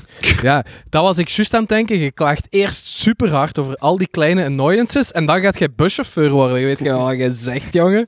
En dan zo na het school al die kinderen rondrijden. Ja, Ik vind je wel, rijdt van een brug op je eerste dag. over Van Brugge rijden gesproken, eh, ik vind wel treindingen, en ja, heb je vast bijvoorbeeld Antwerpen-Brugge, en eh, ik vond dat wel, ja. En, ehm, maar die verdienen goed, die hebben Ja, superveel verlof, je kunt die bijna niet ontslaan, Mooie segway. ik krijg een opleiding, dus ik vind zo treinchauffeur, lijkt mij, of bestuurder, hoe heet dat? Ja. Eh, bestuurder bij de NMBS. Maar Eh. bestuurlijk, maar niet de conducteur. Nee, fuck dat, ja. Ah, ja. Nee, nee, nee, nee, nee, nee, nee. Pas No op, way, conducteur. Die kunnen ook wel zoveel vakantie aan elkaar rijden. Hè? Die conducteurs, dus je, je weet zo dat als die een trein starten, moet hij zo een sleuteltje insteken op perron. Ja, jij neemt misschien niet meer veel de trein, maar hè, de gewone mensen onder ons. Als je het sleuteltje draait, dan gaan zo die deuren open en dan, gaan, dan blijft er nog één deur Wanneer heb open. jij de laatste keer een trein genomen? Dan gaan die deuren open en dan blijft er één deurken open en dan gaat die treinconducteur daarin staan. En soms heb je dan mensen die daarop springen, zo nog op het laatste moment als Op zo de. Op de trein springen. En die conducteur moet die mensen eigenlijk tegenhouden, want dat is oprecht levensgevaarlijk. Doe Ja. dat gewoon niet, want die deuren kunnen dichtgaan, niemand kan er iets aan doen en die trein vertrekt. Hè. Dus als je daartussen zit, of daarvoor of daarachter, is heel vuil. Maar Een dus, paar jaar geleden nog iemand overleden. Zo. ja, als je daar opspringt en je tikt tegen die conducteur, dan kan die drie weken verlof krijgen wegens trauma. Ziekte, en, nee, ja, agressiviteit. trauma en agressiviteit en zo. Ja. Ja, ik heb even, even zo als consultant binnen NMBS gezeten. Je leert wel dat je zo, zo de randjes ervan aflopen. Hmm. Nationale sport. Maar pas op, zoiets. Ik In de post. snap het wel, zo. ik denk Postbode. postbode. Ja, ja, postbode. Heel. Postbode Ik vind kopen, legit- dat is zo'n show op. Ja. Ik, ken, ik ken mijn postbode persoonlijk, hè. Want op een bepaald moment was onze eh parlofoon kapot. En die zegt, en, is uw parlofoon al hersteld? Prachtig. Ik ken die echt persoonlijk. Ja, doe Misschien het moet bij je, ons. maar ik denk gewoon dat je moet stoppen met dat te zeggen en gewoon moet solliciteren en klaar. Gewoon doen. Gewoon, je- misschien moet je er minder over praten, maar gewoon doen. Ik vind echt dat luisteraars moeten inschrijven met hun jobs verkopen. We zullen straks op Instagram... Ja, Hmm. gewoon doen. Kunt Een jij dan een cv maken voor zomer? jezelf? Na september. Ja, ik kan dat. Met skills en eh, jobhistoriek? Ja. Dus, weddenschapje. Nee, nee, nee, ik ga daar niet op wedden. Ja. Kom, smijt Jongen, erin. meneer Ik wel. arbitrage. Jullie, jullie mogen Een wedden. beetje druk op jezelf zetten. Zie dat je gewoon na de zomer in september aan de slag gaat. September zit ik in Groenland. Ik kan niet maar werken in tijd. september. Voor het einde van het jaar. Oké, voor het einde van Parttime het jaar. parttime gewerkt hebben voor minstens Een maand. Maar ik ga daar niet op wedden, hè. Voor wanneer? Jullie mogen daarop wedden. Maar waarom zou jij daar niet op wedden? Maar nee. easy money? Ik moet al gaan werken. Oh my god. En dan met bombshell, voordat we echt letterlijk elke luisteraar hebben. Maar nee, maar ik bedoel dat legit. Ik ga werk zoeken. Jullie mogen daarop wedden of, mij, of ik, mij dat lukt of niet. Ik moet daar toch niet op wedden? Right. Penny. Ehm, hoogtepuntjes en stressjes. Ja, ik, eh, ik heb twee hoogtepuntjes. Goed Ja. in de microfoon babbelen. Verschillende, ja. Ehm, sowieso, ja, eh, eh, dat staat eh, buiten kijf natuurlijk, maar hier met jullie zijn. Dat is een eh één groot, Ik lang... virtual. Weet je wat? Juist, jij die dat Maar dat zijn wel de Ja, twee grootste Virtual purchasing. Singular. Die twee samen. Ah, dus strak gisteren had een Ambassador virtue signaling. Nee, dit is nog. Ja. Anyway, ehm, dat is eh, voor de trouwe luisteraars. Nee, ik, eh, ik heb me... maar dat is al lang geleden. Ja, we go way back. Ehm, hoogtepuntje, ja. Twee weken geleden was ik, of drie weken geleden was ik op Down the Rabbit Hole in Nederland. En eindelijk zo nog eens naar een, een, een festival voor drie, vier dagen met overnachting. Op de wei, stoemtentje. Echt gelijk als in die old days, pre-covid. Ik verschoot ervan hoeveel plezier ik daar eigenlijk uithaalde en hoeveel voldoening dat me dat gaf. Eh, ik vond dat echt, echt heel leuk. Ehm, dus dat was wel echt een hoogtepuntje. Dat was niet omwille van dat het in Nederland was. En dat... Nee, nee, nee. Gewoon in het algemeen. Ja, dat gewoon echt nog eens een, een goed festival. Ehm, zo die vibe van... Ja, dat je altijd, dat je eigenlijk elke zomer hebt gehad, hè. Maar dan drie jaar lang Niet. niet. Mag ik eens vragen, heb jij je tentje achtergelaten op de camping? Nee, jong, zot. Ik heb, zo, ik heb zoiets gezien van de eh, vorige maand op eh, tv, dat mensen gewoon hun tentjes achterlaten rond de campings. Ja, daar is een, erg goed er gedaan. zijn Ja, goede zo. oplossingen voor. Hè. Dus er is een kringwinkel. Die halen die tentjes op. Eh, en die zijn aan het samenwerken met een heel interessante start-up mogelijk. Die ga- is doing it. Is plugging it. Yep. Ja, kijk. hè. Kom, Dat- zeg doe het, doe dat het, doe het. Doe het, Hup, doe het. hup, Als je hup, het dan toch doet, doe Nee, nee, nee, het is nog wat te vroeg. Maar die doen dat wel oprecht. Om, eh, er is altijd vaak zo'n kringloopwinkelstandje op eh, festivals. En als je je tent daar achterlaat, dan gaan die dat ophalen. En die verhuren dat dan de komende jaren aan andere festivalgangers. En hoe manage je die, al die tweedehands spullen? Ja, dat is nog wel een beetje archaïs momenteel. Was er maar een Eh, systeem om dat te managen? ja, ja, er- softwareoplossingen. Er bestaan wel betere oplossingen tegenwoordig waar ze zeker... Dat zou volgens mij echt zo simpel zijn als zo wat dat standaard plugins aan dat- elkaar. dat Jij gaat het... ja, maar dat zou goed zijn voor u, zoals sales, business development. Bij die wel- een technologiebedrijf dat software dat zou u wel oplossingen liggen. biedt voor tweedehands spullen. En wat is een ander of zo van? Goh, ja, dat is vooral nog een working name, maar dat komt binnenkort Oké. al uit. Eh, nee, maar Decathlon verhuurt trouwens ook. ehm, je Ah, ja. kunt- op- Die verhuren ja, je- ja, kunt... Maar ja, datzelfde je- probleem, hè, dan moet je die nog terugbrengen. Ja, maar daar krijg je dus een soort van, waar, een soort van waarborg. Dat je betaalt en je krijgt terug. En zij staan in voor de schoonmaak. En dat wordt dan gerecycleerd. hè, van- Je kunt dat echt Ik verhuren. wil Benny zijn tent niet schoonmaken achter. Oh god. Down the rabbit Ah, hole. Zeker niet als hij een bak duvel gewonnen heeft. Instant mopje, maar wel een goeie. Ehm, wat wij vroeger altijd deden, we zijn zo met de, met de matches van Mol... Om de bakduvel te winnen. Nee, nee, nee, nee, nee. Eh, zo, Lekker verhaal. zo acht jaar lang, acht jaar lang eh, gingen we naar, naar Werchter. En dan in, onze, in die studentenjaren, zeker de eerste studentenjaren, ja, dan sliep wij zondagavond ook nog op de wei, allee, op de camping van Werchter. En dan zo, ja, tegen de middag was 90% van die camping al verlaten. Maar ja, je bent student, is zomer, je hebt letterlijk niks beter te doen als te kateren met jouw maten. Dus tegen 12 uur kwamen we zo die tent uitgegleden van, van het zweet en het verderf van de afgelopen vier dagen. en, Ja, dat was dag vier. ja, dat was dag vijf eigenlijk dan al. En ehm, ja, je bent een arme student, dus dan hadden wij er eigenlijk niks beter op gevonden. De, de jonge gedreven ondernemers, dat we misschien ook wel wat wagen. Dan begonnen wij eigenlijk gewoon, dat is zo echt het eerste jaar begonnen, begonnen wij zo te scavengen op die, op die, op die, op die camping. Ook veel gedaan. Ja, en dan gingen we zo'n camionetje huren van een paar van, of echt, we hebben ooit zelfs een jaar een camionet gehuurd. En dan stouwden wij die letterlijk van voor tot van achter vol met Ike's, sandwichen en vooral bier. Echt, je haalt daar kratten en kratten bier van zo'n camping. En dan, Mensen die dat achterlaten, die laten Ja. hun drank achter. maar ja, maar dat is warm, die moeten nog met een trein terug, die zijn wel slecht van vier dagen weg. Oh fuck, ik ga dat niet meesleuren. En jij wilt die vies bier dat vier dagen in de zon heeft gestaan. Als je dat terug in de ijskast steekt, prima voor een student. Nu zelfs ook, is niks mis mee hè. is gewoon wel warm geweest. Ja. Staken wij naar, en dan pakten wij mee naar ons, naar ons appartement, naar ons kot. En dan hadden wij bijvoorbeeld de eerste drie, vier maanden bier. Stop ze. En, en duurzaam. Maar dus the Rabbit Hole was een hoogtepuntje. En dan vorige week, voordat ik eh, met dit eh fantastisch groepje eh, op deze geweldige plaats zat, zijn ik een week gaan leren parapanten in eh, eh, Noord-Italië. Mhm. En dan moet ik zeggen dat dat ook wel echt eh, een hoogtepuntje was. Op vijf dagen tijd 13 keer gevlogen. Gemiddeld tussen de ja, 10 minuutjes, denk ik dat het minimum was, tot een half uur. Van op 900 meter tot 2000 meter hoog. Was echt een, een, een ja, zeer toffe ervaring. Maar eh, kan ook soms wel een beetje beangstigend zijn. En dat leidt me dan ook onmiddellijk naar mijn stressje. Hm. Want bij mijn derde en mijn vierde vlucht heb ik zo wat sketchy dingen meegemaakt. Dus ik heb zo wel eens de neiging om zo wat... Goh, zo gerust te zijn in de dingen. Zoals, allee, ik stond, ik was over het algemeen vrij kalm bij dat opstijgen en zo. En een derde keer dacht ik, oh ja, ik heb deze derde keer lekker doen. Kan dat, hè? Is oké. Dus dan ik zo wat nonchalant. Dus je had zo de zes punten check voordat je moest opstijgen. En dat ging van zien dat je, je gordels goed vast zaten, tot dat je reserveparachute goed zat, tot dat je radio werkte. Ehm, en een derde keer dacht ik, ja, is het allemaal wel goed. Dus ik vertrek en die monitor is mee aan het filmen. En eh gaat allemaal goed en wel. En het scherm komt boven mijn hoofd en ik wil de berg aflopen. En in één keer begint hij te roepen, pak nou remmen vast, pak nou remmen vast. Want ik had gewoon in al mijn nonchalance gewoon beginnen lopen en ik had mijn remmen niet vast. En als je niet vast hebt, dan gaat ook niet echt veel van de grond. Dus dat is ook gefilmd. Ehm kunnen we dat misschien wel eens op de, op de Instagram zetten. Maar je ziet me zo juist, als hij begint te roepen, pak mijn remmen vast, dan geef ik er een snok aan. Ik ga zo juistjes met mijn, met mijn billen over, eh, over het bos op het einde van de, Goh, eh, van de opstijgen. Ja. Kent, je, kent je die quote van Pippi Langkous? Ik heb het nog nooit gedaan, dus ik denk wel dat ik het kan. Ja, exact. Ja. Exact dat. Ehm, en aan de vierde keer, maar daar kon ik echt niks aan doen. Dus de vierde vlucht.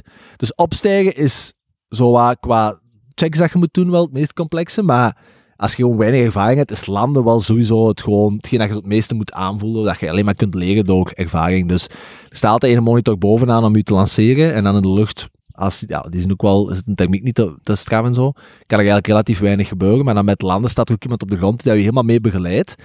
Want ja, je zit op 1000 meter of zo, als het een beetje mee zit, tegen dat je aan die landingsbaan komt. En dan moet je serieus beginnen bochten pakken. Dus moet je heel hard trekken aan je rem. En dan begin je zo in een spiraal naar beneden te gaan en hoogte te verliezen. Eh, maar dat is allemaal ja, met de windrichting en noem maar op. zijn wel wat variabelen dat je moet mee rekening houden. En bij de vierde vlucht, dus ik was al drie keer geland onder zeer eh, goede, performante begeleiding. En de vierde keer stijg ik op. En na een minuut hoor ik mijn, eh, mijn walkie-talkie zo waar... En dan stopt hij. Dus ik zat op 1000 meter hoogte en niemand kon mij nog bereiken. En ik moest in één keer zelfstandig gaan landen. En dat was wel een, eh, een stressje van formaat, moet ik toch wel zeggen. moest er nu iets gebeurd zijn, zou dat dan uw schuld geweest zijn? Of van die, want die, dat die batterij plat was? Ja, ik ben er achter, achteraf over aan het denken geweest. Dus die, eh, dat was een nieuwe. En die dude, de monitor heeft hij aan mij gegeven de eerste dag. En dat is gebeurd een tweede dag. En hij heeft nooit gezegd, laat dat op. Ja, ja. Oké. Maar er waren wel veel monitors. Maar moet je dat checken voor je vertrekt? Nee. Ja. Nee, hey, je moest gewoon checken of dat je hem hoorde. Maar ik hoorde hem. Als ik opsteeg, Ja. hoorde ik hem. Ja. En een minuut later valt dat spel uit. Maar op zich was dat dus een goed geregelde vakantie wel, dat die monitors er. En wat kost dat zo'n vakantie? Allee, zo'n zo'n sessie? Ja, dat is nog een ander stressje, maar dat is minder interessant ik, voor de luisteraar. Eh mijn eigen vergist aan de prijs van dat spel. Maar je hebt dat ondertussen wel teruggewonnen, hè, Benny? Ja, jongens. Hey, eh, ik heb deze week geleerd. Er heeft iemand ehm, die daar ook wel de bijnaam heeft, eh Hitsige Boeddha, ehm, mij gezegd dat geld altijd terugkomt. En eh, ik vond dat een mooie uitspraak. Dus ik heb het dan wat beginnen te visualizen. En ik moet zeggen, ja, dat klopt echt compleet. Want de dag nadien had ik in één keer 150 euro extra op mijn rekening staan. Van uw vrienden. Ehm, ja. Dus ja, eh, 1000 meter hoogte, dat is geen radio en dan moeten landen. Hè. Dus ehm, toen was ik wel blij dat ik de laatste jaren eigen zo aan ademhalingsoefeningen heb geleerd en zo. Want over het algemeen blijf ik vrij kalm bij dat soort van situaties. Maar toen dacht ik Mm. toch wel, oeh, manneke lief. ja, dat was wel echt stressvol. Hmm. Ja, maar het is gelukt. Ik ben wel twee wijen veilig geland, maar... Bon, Goed geland. yes. Ik was zo net aan het denken, mijn stressje een paar dagen geleden was toen ik tegen 60 per uur bergaf fietste en eens bedacht, zit mijn voorwiel al vast. God. En dat jij dan nu, juist een dag geleden, moet vragen, zeg, hoe remt jij eigenlijk best met zo'n fiets? Ja. Is er nog wijn? Eh, ja, daarachter. Ik zal, ik kan gaan halen zelfs. Waar is hij? Eh, in de frigo. Allee, of er staan nog flessen. Ah, dat is ook gewoon van hen, die wijn. Ja. Ah, oké.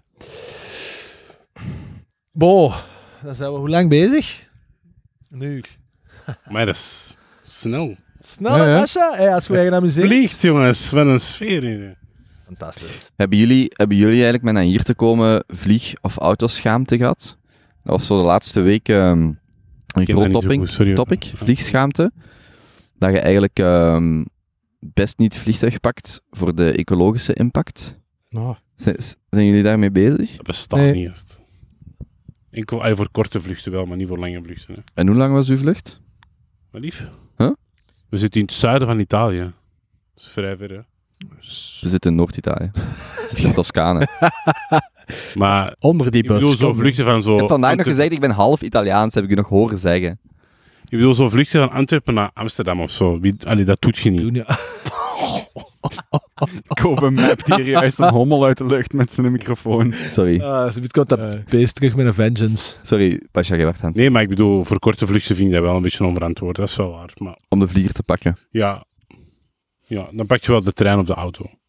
Maar dus had je dan vliegschaamte omdat je het vliegtuig genomen hebt? Nee, want dat was een verre vlucht. Dat is te lang om met de auto te doen. Meer dan zes uur met de auto. Dat, dan, wordt, dan, dan is het verantwoord, vind Maar ik. zes uur met de auto's, een uur met het vliegtuig. Ja. Dus vanaf een uur met het vliegtuig is het oké. Ja, als het meer dan zes uur met de auto is. Voor u persoonlijk. Voor mij persoonlijk. Dan, zal ik de vlie dan zal ik de vlieger als optie bekijken. Maar ik ben misschien niet zo, niet zo heel hard into die ecologische wereld als dat jullie zijn. Maar ik vind, vanaf zes uur rijden, dan kun je wel eens nadenken, is het misschien niet verstandiger om de auto te pakken. Ook met een afte peage. Ik weet niet, alles Of de bus, of de trein. Ja. Alright, goed. Dat er eh, gezegd zijn, eh, dat is wel- komen we bij vraag 2. Pasha? Vraag 2. Steek eens een vraag af. Ik denk dat je hem nog wel weet, hè. Heb je recent een...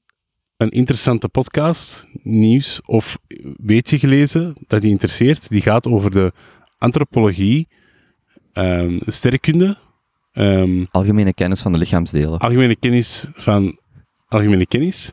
En het laatste ben ik vergeten. ehm, ehm, Is dat er boek op? business. Close enough. Het is goed, ik kan het zelfs niet meer herhalen. Perfect. Ik heb hier eh, Maarten Schrel staan. Martin Shkreli. Oh, The farmer bro. The one and only. Je, je kent die ook. Ja, ja. Die is uit de gevangenis gekomen, is dat die? Yes. Ja, die is Ja, cool, ja. man. Dus voor wie dat het niet meer weet, die is een aantal jaar geleden, ik zou willen zeggen zes of zeven jaar geleden of zo. 2007 denk ik of zo. Oeh, amai. Niet- 13 jaar. Ja, was voor de crisis. 15 jaar. Dat is 20 15 jaar, ja. Dus al, eh, al een hele tijd geleden is die eh, man eh, serieus in het nieuws gekomen, omdat hij aan het hoofd zat van een bepaald medisch bedrijf eh, en daar besloot om bepaalde drugs, en meer specifiek Theraprim, denk ik, Theraprim, eh, besloot om daarvan de prijs met 100x, 200x omhoog te knallen. En die is sindsdien bekend geworden als de, de Pharma Bro. Ehm, omdat hij daar ook heel unapologetic over was. Dat gebeurt enorm veel, bleek achteraf. Ik heb me daar dan in het begin, eh, verdiepen is een groot woord, maar wel in opgezocht. Ehm, het komt relatief vaak voor dat er ziektes zijn die dat ja, heel rare zijn. Dat er eigenlijk niet zoveel mensen zijn die die ziekte hebben. Pak een tientallen, een aantal honderdtallen mensen die die ziekte hebben. En daar bestaat dan wel een bepaald medicament voor, maar dat is eigenlijk bagger slecht. Je krijgt honderd zijsymptomen, ehm, je voelt je misselijk als je dat medicijn pakt, maar bon, je overleeft wel, dus op zich hè, goed dat dat medicijn betaalt, bestaat.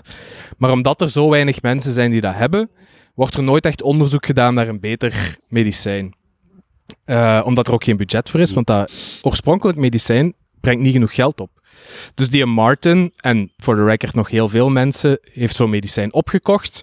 Heeft dat dan maal 100 gedaan, maar misschien zelfs maal 200, 300, ik weet niet. Echt enorm. Ging van 7 euro naar honderden euro's. Eh, is dan in het nieuws en in social media compleet afgemaakt. Gewoon carrière getorpedeerd. Ehm, Trouwens, misschien even zeggen.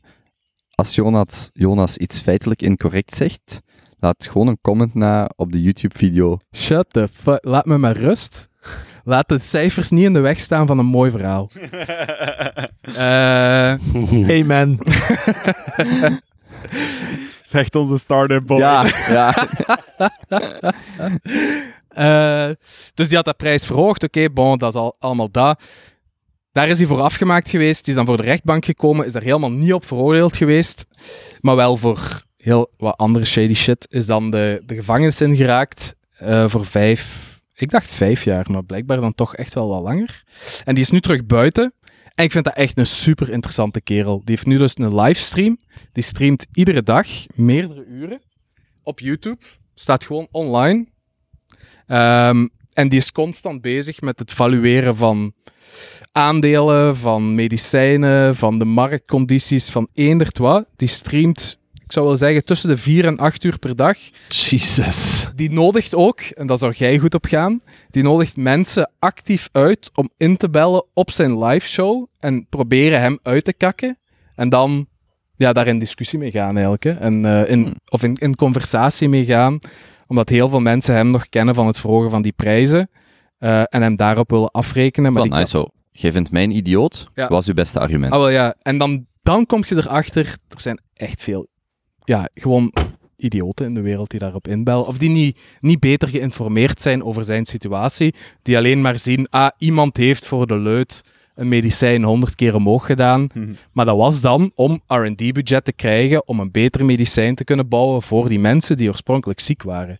Maar dat wordt er dan natuurlijk allemaal... Waarom zat hij in de bak dan uiteindelijk? eh, ja, die heeft zo wat shady shit gedaan met hoe dat hij zijn bedrijven had opgezet. Ah, Dus het is meer aan de financiële kant dat hem heeft gesjoemeld dan aan de medische kant. Maar als je, als je die kerel ziet, zo voor een buitenstaander, is hij echt het vlees geworden verpersoonlijking van het woord etter. Hè? En tech bro, hè? En tagbro slash etter. ja, ja. En, en Heeft dan- zo een kapsel als Benjamin. ja, ja, ja. Dat is wel echt... Maar het, het mooie is dan wel dat hij echt zo unapologetic, volledig zijn authentieke zelf is. Kan die ook geen fuck schelen. Is, Ja, en daar inderdaad geen, geen moer om geeft. Die is mega rijk en die woont gewoon een beetje in zijn studiootje. Die, dat is bijvoorbeeld ook de aankoper geweest van het laatste Wu-Tang Clan, Clan album. Ja, ja, die, Ja. Die, die heeft dat opgekocht. Oh, Ja. wat een douchebag. Dat is een enorme douchebag. Maar als je die livestreams ziet, merk je wel, daar zit echt wel veel meer in. En die heeft gewoon iets van, kijk, de media heeft mij nooit vergenomen, dus dan speel ik ook gewoon die rol van etter en douchebag. En hij heeft wel een bepaalde air, maar hier zijn er nog Haal daar dan levensvreugde uit? Uit wat? Haalt daar dan voldoening uit? Nee, nee, nee. Als je die zi- bezig ziet met zijn aandelen en zijn medicijn en kakken op andere farmen en zo, dat is die zijn passie, hè, is achter deals zitten binnen bedrijven en bi- binnen de farma-industrie. Die zegt dat zelf ook. Heel die industrie, dat trekt op geen orgel in Amerika. Pharma. Ja, met Dus dat is een bigger purpose. Gewoon Ja. pharma onder uithalen. ja, nee, om betaalbaar goede medicijnen in de markt te zetten. Dat is een mooi doel. Ja. Dingen heeft daar blijkbaar recent een, ehm, hoe noemt hem die van ehm, Shark Tank? De, Ja? de grote van Shark Ja, de. Mark Cuban. Mark Cuban heeft Ah, daar blijkbaar iets rond gestart. Hij heeft vijf livestreams over waarom dat, dat dikke bullshit is wat Mark Cuban aan het doen is. Dat Ah. dat nergens op slaat. Dat dat het zotste money embezzlement is ooit in de medische industrie in Amerika. Oh. Ja, ik, ik wist het niet. Ik wist gewoon dat Ja, ja. maar die mensen op Twitter nu Dat zo... oh my cool, god, Mark, you made my life so much better. Omdat hij dan... Ja. En ook heel dat verzekeringssysteem in Amerika en zo is compleet verkracht. Ook weer Hoe verdient hij zijn geld aan? Met die livestreams? ja, investeringen. Het- wat hij eigenlijk doet, is dus medische bedrijven opkopen, van die drugs of van die medicijnen een V2 maken en dan dat bedrijf terug verkopen. Dus Dat is wat hij meestal doet. Maar En- ook investeringen. Jongen, als die... Dat is een uur lang gewoon analyse van bijvoorbeeld Google-stock. Hoeveel is dat bedrijf waard? Waar gaat dat voor incomes, revenues? Naar al die documenten kijken. Ik ga daar wel goed op. Ik vind het wel. fijn om naar te kijken. ik- ik- ik- ik- Het is ook echt een, op het is ook echt een reden intelligente gast. Die is Als een, maf die heeft slim. echt een- zoals jij het zou zeggen, een serieuze processor in zijn kop zitten. Dat is En die, die cool. daar bijvoorbeeld ook van Disney ooit gedaan en zo. Nee, nee, nee, niet van dit. Maar misschien wel. Maar daar, daarvan heb ik het niet, nee. Maar ja, Heb je heel- aandelen gekocht op zijn advies? nee. Maar die zegt dat ook zelf, van ja, wat, wat ik doe is vooral relevant als je heel grote portfolio's hebt. Mm. Als je dat niet hebt, focus je gewoon op businessen bouwen, op bedrijven opstarten, op goede dingen doen in de wereld. Dan proberen te rommelen in de marge met uw ja, 100.000, 200.000. Dat maakt allemaal niet uit. Daar, daarmee moet je niet in de aandelenmarkt zitten. Dat is goed om, om dat een beetje als spaardingen te gebruiken. Maar daarmee gaat je het toch niet maken. Zet Hmm. gewoon iets goed in de wereld en daar volgt de rest wel. Nice. Zoals in, dus aanrader om zo eens een livestream gewoon aan te klikken. 50-50 kans dat hij iemand anders zit te roepen op een call. En dat is echt entertainment en top. Zeg je net zeggen, die Martin is een... Niet die, ja, je bent niet het woord idioot, maar zo zit er hier nog. Wie impliceerde je? Nee, nee, nee, nee, dat heb ik niet gezegd. Ik heb gezegd mensen met een groot karakter, maar die dat eigenlijk wel heel lovable kunnen zijn. Ja, dat is wel. ik er wel een paar. Nee, Ik moet ineens aan iets denken. Ging jij niet zeggen waar je je heritage had? dat is het volgende puntje. Let's hè. go! Dus er is hier eigenlijk al heel de week een, een, een levendige discussie aan de gang, waarin ook onze gastvrouw eh, deel heeft genomen.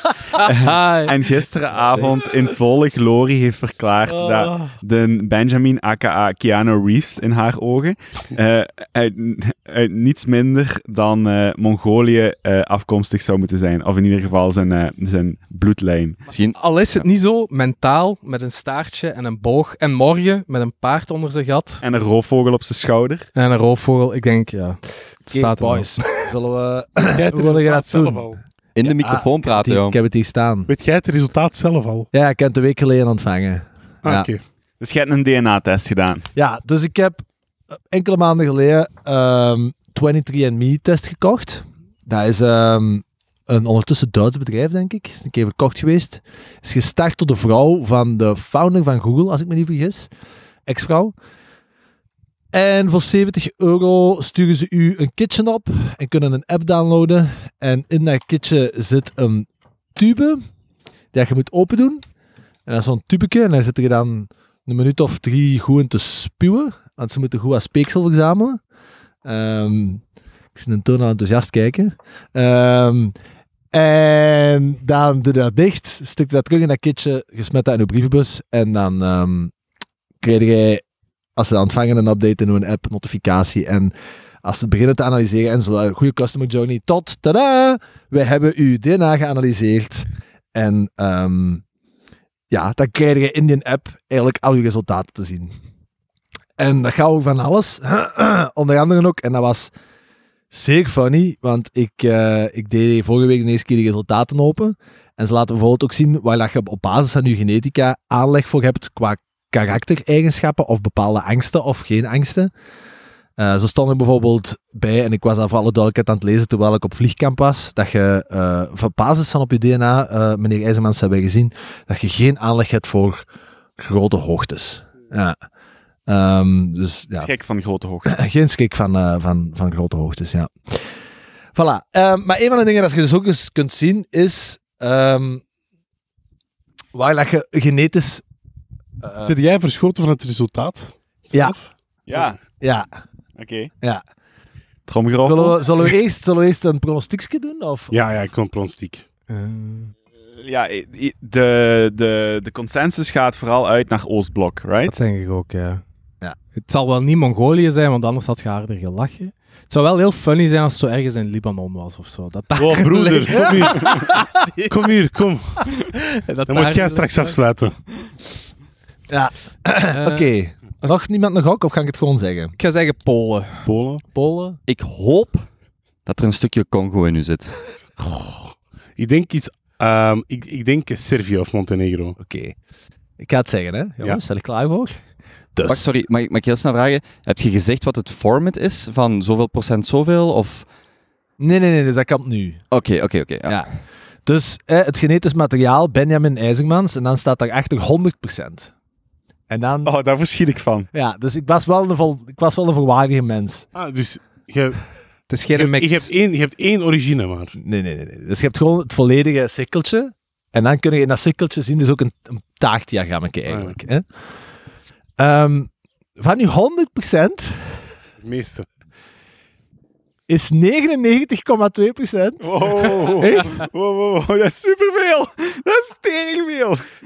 Noordwest-Europeaan, waarvan 98,9 French en German, aka Vlaanderen. Echt? Oh, nee, joh. Allee, Wat een wat een leus. cliffhanger. Dus ik ben echt ultra campus. ja, nu kijk ik echt niet meer omheen. Ja, dat is echt 98,2. 98, Nee, 99,2 procent. Ja, dus, nee, nee, dus 99,2% Noordwest-Europeaan, waarvan 98,9% eh, Vlaanderen, eh, high likely, Flanders en Walloon region, highly likely. Eh, de Netherlands, ehm, Noord-Brabant, dus je ziet ook zo'n mapje. Dus je ziet aan de Ah, ja, mapjes. maar- Mm. Dat is echt een Kempen, hè? Maar ook. Frankrijk, hè? Dus, Frank, dus België, ja. Ja. Nederland en dan eh, Nederland is high likely, eh, Frank Frankrijk eh, possible. Ja. Ja. Zeg je die andere 0,8 procent? Ja, dus dan heb je eh 0,2% finish. Er zit een beetje fin in mij. Oké. Ja, zo, aan, Ja. zo aan een viking eigenlijk. Omdat je snel finished? Oh. Dat zou goeie kunnen. Got him. Oké. Eh, en dan broadly Northwestern European 0,1%. Oh. Wel een beetje teleurstellend. Ja, ik vond het ook. Maar dan heb ik ook eh, Dus een Trace, Ancestry. Wat dat dat juist wil zeggen, heb ik eigenlijk nog niet gelezen. Ik, moet, ik heb eigenlijk nog niet de tijd genomen, Oh, maar echt goed. Ik Nee, dus van, Trace Ancestry is ja, zo even verder teruggaan. En dan heb je Noord-Afrikaan 0,4%. Coptic Egyptian 0,2%. En Malayali subgroep 0,2%. Dus daar komen nu voor, voor, voor, voor, voor Ja. vader in. Dan heb niet je iets waar Ja, Kobe ook zeer hard op aan het wachten was, weet ik. Ehm heb je uw Neandertaler, Ah ja. uw procent Neandertaler. Dus het is allemaal een klein beetje een, eh, eh, een wilde boeman in ons. Eh aka Neandertaler. Dus hoe dicht dat je zit bij die stem. Ja, hoe, dik, hoe dicht, hoe dicht, eh, hoeveel Neandertaler... Hoe geëvolueerd dat je bent. Ja.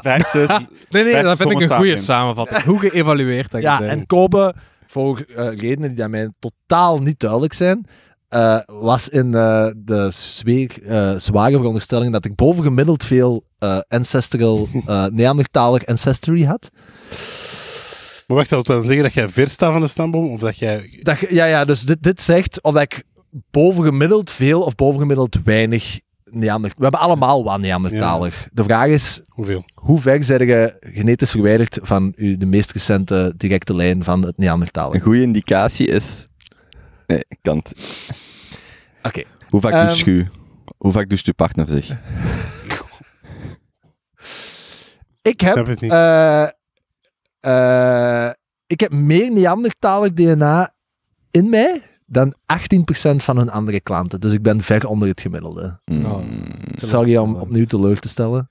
Maar ik heb minder dan 2% Neandertaler DNA. Dus je bent ver geëvolueerd. You inherited a small amount of DNA from your Neanderthal ancestors. Out of 7,462 variants we tested, we found 217 variants in your DNA that trace back to the Neandertalers.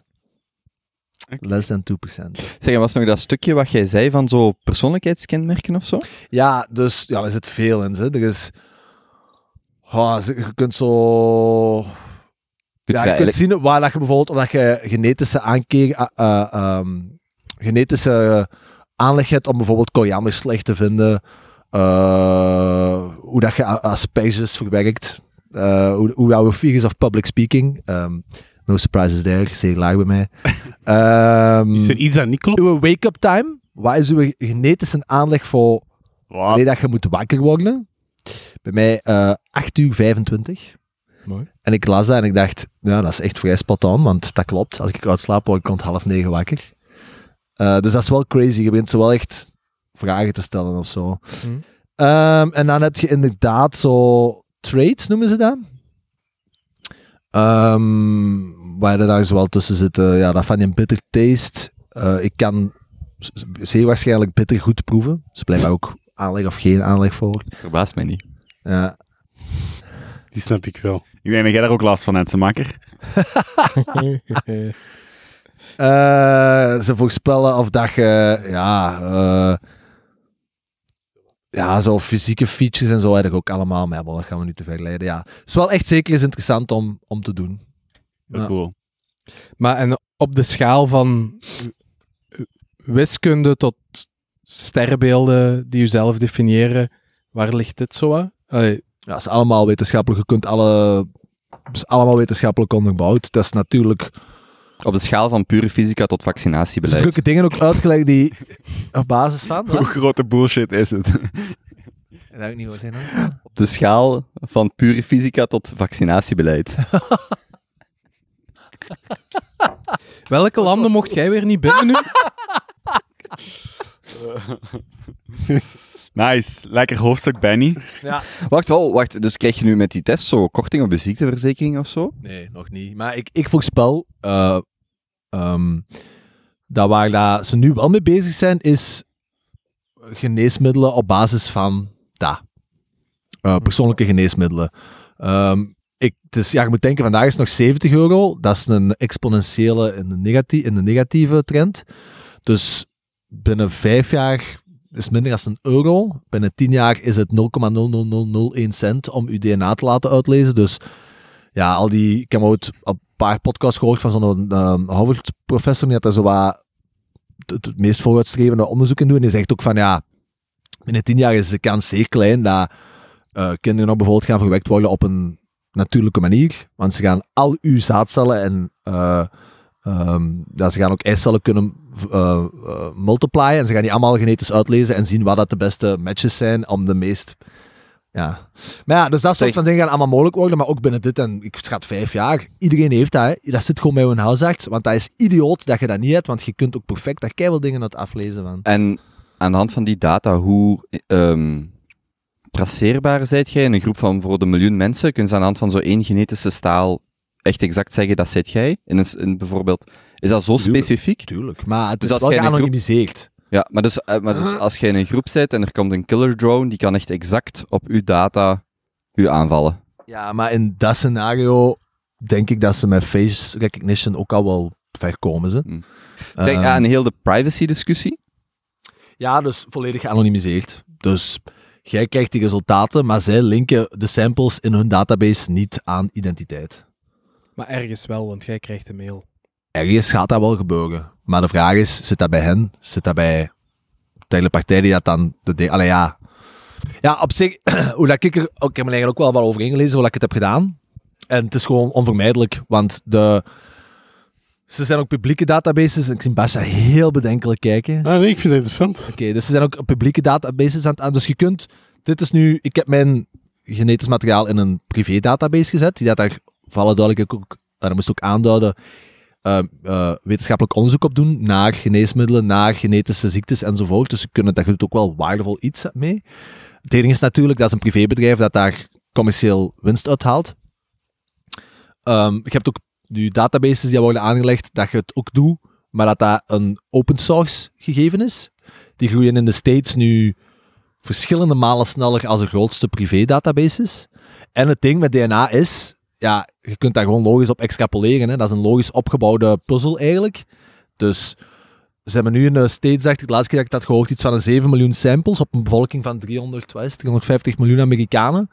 En ze zijn nu dichtbij dat, ik, dat ze 25% van de Amerikaanse bevolking kunnen gaan identificeren op basis van een sample, op basis van die open source databases. Dus again, binnen dit en tien jaar.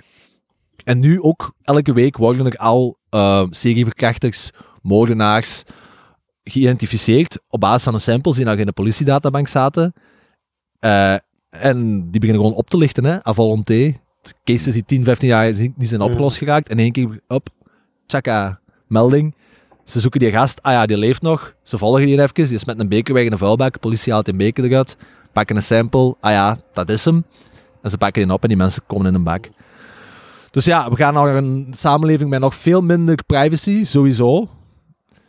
Wat ook zeer gevaarlijk is voor alle duidelijkheid. Maar ja, alle soort van extreme... Want nu is heel uw familie identificeerbaar omdat jij die test hebt gedaan.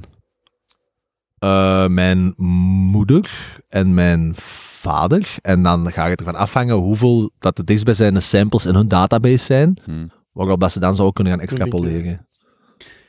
Maar eigenlijk kun je dus van iedereen nu een beker pakken op een festival, daar wat speeksel afschrapen, doorsturen naar 23andMe. En zien De identiteitsgegevens en zo mee doorsturen. hè. Ja, ja, maar zij Je weet... kunt niet iemand zijn random... Waarom niet? Als ik gewoon mijn identiteit Ah, wacht. met ja, zijn ja, ja, ik snap je ja, ja, je moet echt serieus wat tof hebben. Dus het is echt niet van... Bah, er zijn plekken waar je dat wel kunt verzamelen. Ja, dat Ja, of meer met slechte bedoelingen. hè. Als je iemand informatie wilt verzamelen van iemand, je voert je zat of zo, weet ik veel. En een, zo- een soort van next level bedrijfsspionage. Maar dan op persoon. Ja, ik denk persoonlijk, als ik zie hoe dat dit nu verliep, eh heb je wel, je wel echt, je hebt echt wel veel nodig. Dus je kunt het echt niet zomaar, je kunt het echt niet zomaar ehm, van een beker gaan schapen of zo. Het is echt wel, Van een B. eh, Ja, dus soms met geweld, hè. ja, dat wel. Ja, wel, tuurlijk. Maar Als dan op weet dat je punt hoe laat... zei- Als je op dat punt al zei, kun je iemand volle mee kloten. Hè? Ja. Ja. En dan weet je hoe laat ze opstaan. Ja, Ja. ook wel een beetje nadelig, een beetje kut. Typisch België, wetgeving, hier staan we achter. Dus normaal gezien met die test krijg je ook eh, ge- ehm, genetische, waar je genetische aanleg voor hebt qua ziektes en zo. Eh, die Belgische wetgeving is nog niet rond. Ehm, maar van het gaat die rond, dus kijk gewoon een melding en dan kan ik ook zien wat zegt uw DNA over hoe, hoeveel aanleg heb Ah, jij ja. op Alzheimer, op, op eh, suikerziekte, Dat is op het meest interessante eigenlijk, hè. Ja. Hoe laat ik opsta is Nu is het een beetje een, een gimmick. Als, je, als die wetgeving rond is, dan is het denk ik echt waardevol om in je medisch dossier te laten steken. Maar ene, ik, ik heb een puntje opgeschreven dat je eigenlijk heel kort bij aansluit. Ook naar privacygegevens enzovoort toe. Maar ehm, er is nu, en ik volg er nu op sinds dat ik bij, bij Lidentree werk dus. ehm, de Europese, Europees, Europese wat is dat, regering, werkgroepen daar, die zijn bezig aan eh, een Europese Digital Identity Wallet. Ehm, dus wat betekent dat? Dat jij als Europese eh, inwoner eigenlijk een soort van, ja, portefeuille hebt waar dat identiteitsgegevens van u in gaan bewaard kunnen worden, digitale identiteitsgegevens. Ehm, en die zijn encrypted of versleuteld met uw private key, eh, een van de principes uit, uit de, eh, de cryptografie of uit de cryptowereld. Maar dat wordt dus een interoperable digitale wallet. Eh, Zweden en, en Estonia zijn er al eh, langer mee aan de gang. Maar dat zou dus kunnen betekenen dat eh, de Benny een digitaal certificaat of verifiable credential eh, downloadt in zijn wallet, die dan encrypted is met zijn private key. En als Benny dan op een bepaald moment bij een andere dokter in Portugal, of weet ik veel waar, wilt zeggen van kijk, ehm, op basis van mijn DNA ehm, heb ik aanleg voor deze en deze ziektes. Ik wil juist die specifieke data met die dokter delen over landsgrenzen heen, dan kan Benny juist dat specifieke stukje data decrypten, waardoor die dokter dat kan lezen. Um, en die infrastructuur die wordt nu opgezet en in 2024 zou iedere Europeaan die digital wallet moeten hebben, um, waardoor dat je dus ja, waardoor dat de, de identiteitseigenaar veel meer controle krijgt over alle gegevens die hij al gegenereerd heeft, of die officiële instanties of issuers, zoals ze in dat schema noemen. Um, hè, dus issuen of, of uitgeven en naar uw wallet sturen. En kunt jij complete controle hebben over wat je dan precies Hmm. deelt met andere bedrijven, met andere overheidsinstanties, met immigratiediensten, met belastingsdiensten. Ja, dus dat is eigenlijk wel een heel interessant framework, maar er komt natuurlijk wel een hoop eh, privacy issues. Ja, en, concreet voorbeeld, je staat in het buitenland, politie vraagt je rijbewijs, je toont je gsm, hier is mijn rijbewijs. ja, dat is- dat zou inderdaad dat is een gaan. Ja. Toepassing dat meer mensen gaan Maar gebruiken. zelfs niet, hier is rijbewijs, enkel ik mag in dit land rijden. Ja, ja, ja Dat is inderdaad. echt het minimum aan informatie. Maar als er één partij is die ik niet zou vertrouwen met het bouwen van zo'n applicatie, dan is het wel een regering, denk ik. Ja, absoluut. Dat steekt zo wat tegen. dat is nu wat je ziet. Hè. Dus, eh, er zijn grote spelers in de Web3 crypto communities die er dan ook op springen en die weten dat de, de Ah. Europese regering daarmee bezig is. Ik snap Ja. eindelijk waarom dat Little Tree belangrijk zou kunnen zijn. no shit. Ja, ja, maar de, de Ah. private key, de private key, hè, Ding, dus ding, je ding, seed phrase en, en de, de asymmetric key pair die je daaruit kunt halen, staat in voor, hè, zoals Komen zo vaak zegt, Wow. eigendomsrechten op het internet, maar is ook rechtstreeks geïden- gelinkt aan een unieke identificatie van u als persoon online. Want jij bent de enige die een key kan houden.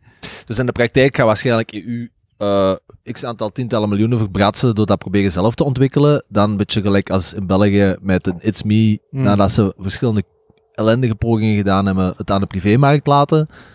En dan gaan een privéspeler à la Tree daar een geweldig goed functionerende oplossing voor maken. Oh, Dat is It's Me kost ook 50 miljoen per jaar. Hè. Is dat? Dikste contract ooit gegeven. Nee, niet dikste, maar een zeer dikte contract. It's Me Dan is echt... Belgische overheid 50 miljoen aan It's Me. Zeker? Ja, die hebben nu dat ze nu hebben vrijgemaakt om een vrije marktconcurrent te ontwikkelen. Ja. Maar Ah, ja, ja. It's Me Waarom heeft echt die een zaal... huisarts? Ik weet niet wat het juiste contract is, maar dat is een monopolist. Ja. die, die vrije marktconcurrentie is er wel degelijk hoor. De, de hoeveelheid competitie dat wij hebben, die op hetzelfde thema zit te spelen, is echt ongezien. En, en Avast is daar ook op aan het springen, Microsoft is daarop aan het springen. Dus dat is eigenlijk een soort van... ja, iedereen is zo de, de, de strijd voor DNS en HTTPS en iPad, iPop en IMAP vergeten. Hè. Dat zijn zo de protocollen die nu het internet en e-mail sturen. Maar daar zit echt iets onder. Er zit een soort van technologie onder die iedereen helemaal vergeten is. En die zijn ze nu opnieuw aan het bouwen, maar dan om identiteitsgegevens te delen. Ja, wat, wel cool, hè? wat je toch in je corona-app had, is dat je dan inlogde met It's Me en dan downloadde dan vaccinatie of herstel of negatieve testcertificaat. Dat gaat je hetzelfde kunnen doen. Je logt in met It's Me, je downloadt je rijbewijs, je identiteitskaart, je CIS-kaart, of ja, je mutualiteitskaart. En dan kun je al dat niet tonen wat je wilt in het buitenland of in het binnenland. Zalig nooit meer naar het stadhuis voor pas te vernieuwen. Ja, maar je gaat nog steeds aan de bank moeten om een rekening met twee op te zeggen. Hè? Blijkbaar. Als daar tijd voor is. Is het ook wel. Oké. Nog iets daarover? Ja, nee, ik, ik, vind, dat- ik vind het cool dat er... hè, de mogelijkheden en de eh, hoeveelheid aan customisatie en eh, persoonlijke service en dienstverlening dat er dan mogelijk wordt op commercieel vlak is, is heel maf. Plots, ja, ja, Als het dan een privébedrijf gaat zijn, waarom dan niet Google? Dat is het enige waar ik nog niet mee bezig Je kunt nu al met Google login doen en dan zeggen, geef alleen mijn leeftijd. Ja, maar dat is een Amerikaan die daar in Europa alle paspoorten Ja, en dat is- beheren. Andere bedrijven zijn Chinees. Ja, ik snap wel dat als je als Europees, als je in Europa als Europese wetgever hebt gezien wat er de laatste 20 jaar is gebeurd, Mhm. dat ze niet willen dat dat naar een Chinees, ja, naar een Chinese of naar een Amerikaanse holding gaat gaan. Dat snap ik wel. Ja, vraag is of dat we het in een Europa- centraal systeem. Ja, dat is... ja. Dan zit al je data daar. Hè. Als je dat kwijt bent, is alles weg. Kan ik Ja. Maar in principe staat die data... Jij zit de eigenaar van die data. Want Ja, maar je uw- kunt dat blijven zeggen, maar als, allee, dat staat ergens op een computer, op een server, achter een systeem dat iemand gebouwd heeft. Hè. Gesproken gelijk als een echte CTO. Hey, yo. Ja, maar nee, maar zelfs bijvoorbeeld het feit dat je een inkomen hebt, dat is je werkgever dat die, die credential geeft, dat het niet jij die daar per se eigen... Je diploma ook, dat komt van een partij dat zegt dat jij daar een diploma hebt. hè. uitgever. Een uitgever, eh. Het orakelprobleem, hè. bullshit in, bullshit out. Hè. Ja, ja, Als je dat niet ja, kunt absoluut. controleren, dan kun je een mooi systeem Het maken. orakelprobleem. Mooie. Ja, maar je kunt zalige orakel-exploits doen. Maar ja, goed. Nee, iemand ooit alles zo op, eh, in België op zo'n eh digitale eh sociaal zekerheid, zo, dat je zo kunt zien, alle medische interventies die ooit op je zijn gebruikt. Ja, Ja, Kozo. Ja, dat is Ja. freaky, hè? is cool, Oh ja. Ik vind het wel cool. UI-gewijs wel echt huilen met de pet op, hè? Dat wel. Oei, oei, Ik vind het cool dat het kan, hè, want dan ga je zo, zo scrollen en zie je, oh, hier de foto's van mijn gebroken arm als ik vijf was. Maar, la. Misschien, SOA-test, dat is, dat is altijd iets minder. misschien om Basha terug te zien, betrekken. We hadden wel zo... allee, misschien dat dat ook aan die wallet kan toegevoegd worden. Maar wij hadden het vandaag of gisteren over, eh, Die doen niks vies zeggen. Over een filmpje op YouTube. Dus het is niet zo vies. Maar mag ik het zeggen? Doe maar. Een credential als je Dus film... Vergeet mijn job niet. Koper, vergeet niet wat ik doe. Nee, nee, oké. Dus, dus dit heeft niks te maken met Basha zijn- zijn job. Het is ook niet Jozef die hier initieel over begon. Maar ik denk dat ik wel voor iedereen spreek als we zeggen dat we zo wat de puberale fase voorbij zijn. Dat we niet louter aan onszelf denken, maar ook aan het plezier van de anderen. En er staat een filmpje op YouTube. Ehm, ik weet de titel van het filmpje niet meer exact. Oh god, ga je dit ons- echt... zit Maar dat is toch zalige informatie? Maar ga je dit echt in een doen? hoek aan het praten. Ik zou het echt niet doen. Oké, dan moeten jullie maar naar de Kobe Show luisteren als Jonas nog eens komt. En dan gaan, we, en dan gaan Jonas en ik dat Dan gaan we tot in bespreken. detail. Voilà, daarmee. Oké, mooi jongens, mooi. Doe maar, Jonas, geniet ervan. Great tutorial. Eh, YouTube. eh, Bedankt om mij toch te willen betrekken. Dat is wel, ik apprecieer dat wel. Ja, Pasha, Kobe, hebben jullie eh, recent een noemenswaardig essayboek of podcast gelezen of gehoord? ja, Basha heeft eentje. Nee, ik heb geen. Ehm, ja. Italië zit in een dikke crisis, hè. We zitten in het eh, meest fucked up land van de eurozone. En heeft totaal niemand door. Dus eh, Italië heeft van eh het Europees Herstelfonds een eh combinatie van subsidies en leningen gekregen van 205 miljard euro. Pardon? Yes. Dus, ehm, Weinig. Jesus. dus als je denkt dat bitcoin geen geld is- is, kijk naar wat de ECB doet. Maar ehm 205 miljard, maar er is deze week een eh, regeringscrisis. Mario Draghi heeft eh, gezegd dat hij wilt opstappen, omdat de Vijfsterrenbeweging niet akkoord gaat met een van de beslissingen. En ook de andere partijen doen moeilijk. Maar dat wil zeggen dat dus ehm, Italië in een institutionele crisis zit. Maar je mag niet, hè? Ze hebben niet toegestaan. Hè? Nee, de president heeft gezegd... Niet on- De president heeft gezegd... eh niet. Maar... eh. Ja, maar eh, dat is dus nu nog een beetje afwachten. Maar eh, Italië is echt gewoon fucked. Ehm, en bijvoorbeeld iedereen die naar Rome is geweest de laatste jaren, die weet dat dat een, dat de mooiste stad ter wereld. Het is ook de vuilste stad ter wereld. Dat, wordt geen, dat is echt een ja, marginale stad geworden eh, om in te wonen. En Italië is echt gewoon het, een van de armste landen. Dat is de derde grootste economie van Europa. Dus dat mag niet failliet gaan. Maar het land zit wel in een zware crisis. Door, door, toerisme, door toerisme of zo, dat, dat- door corona of zo.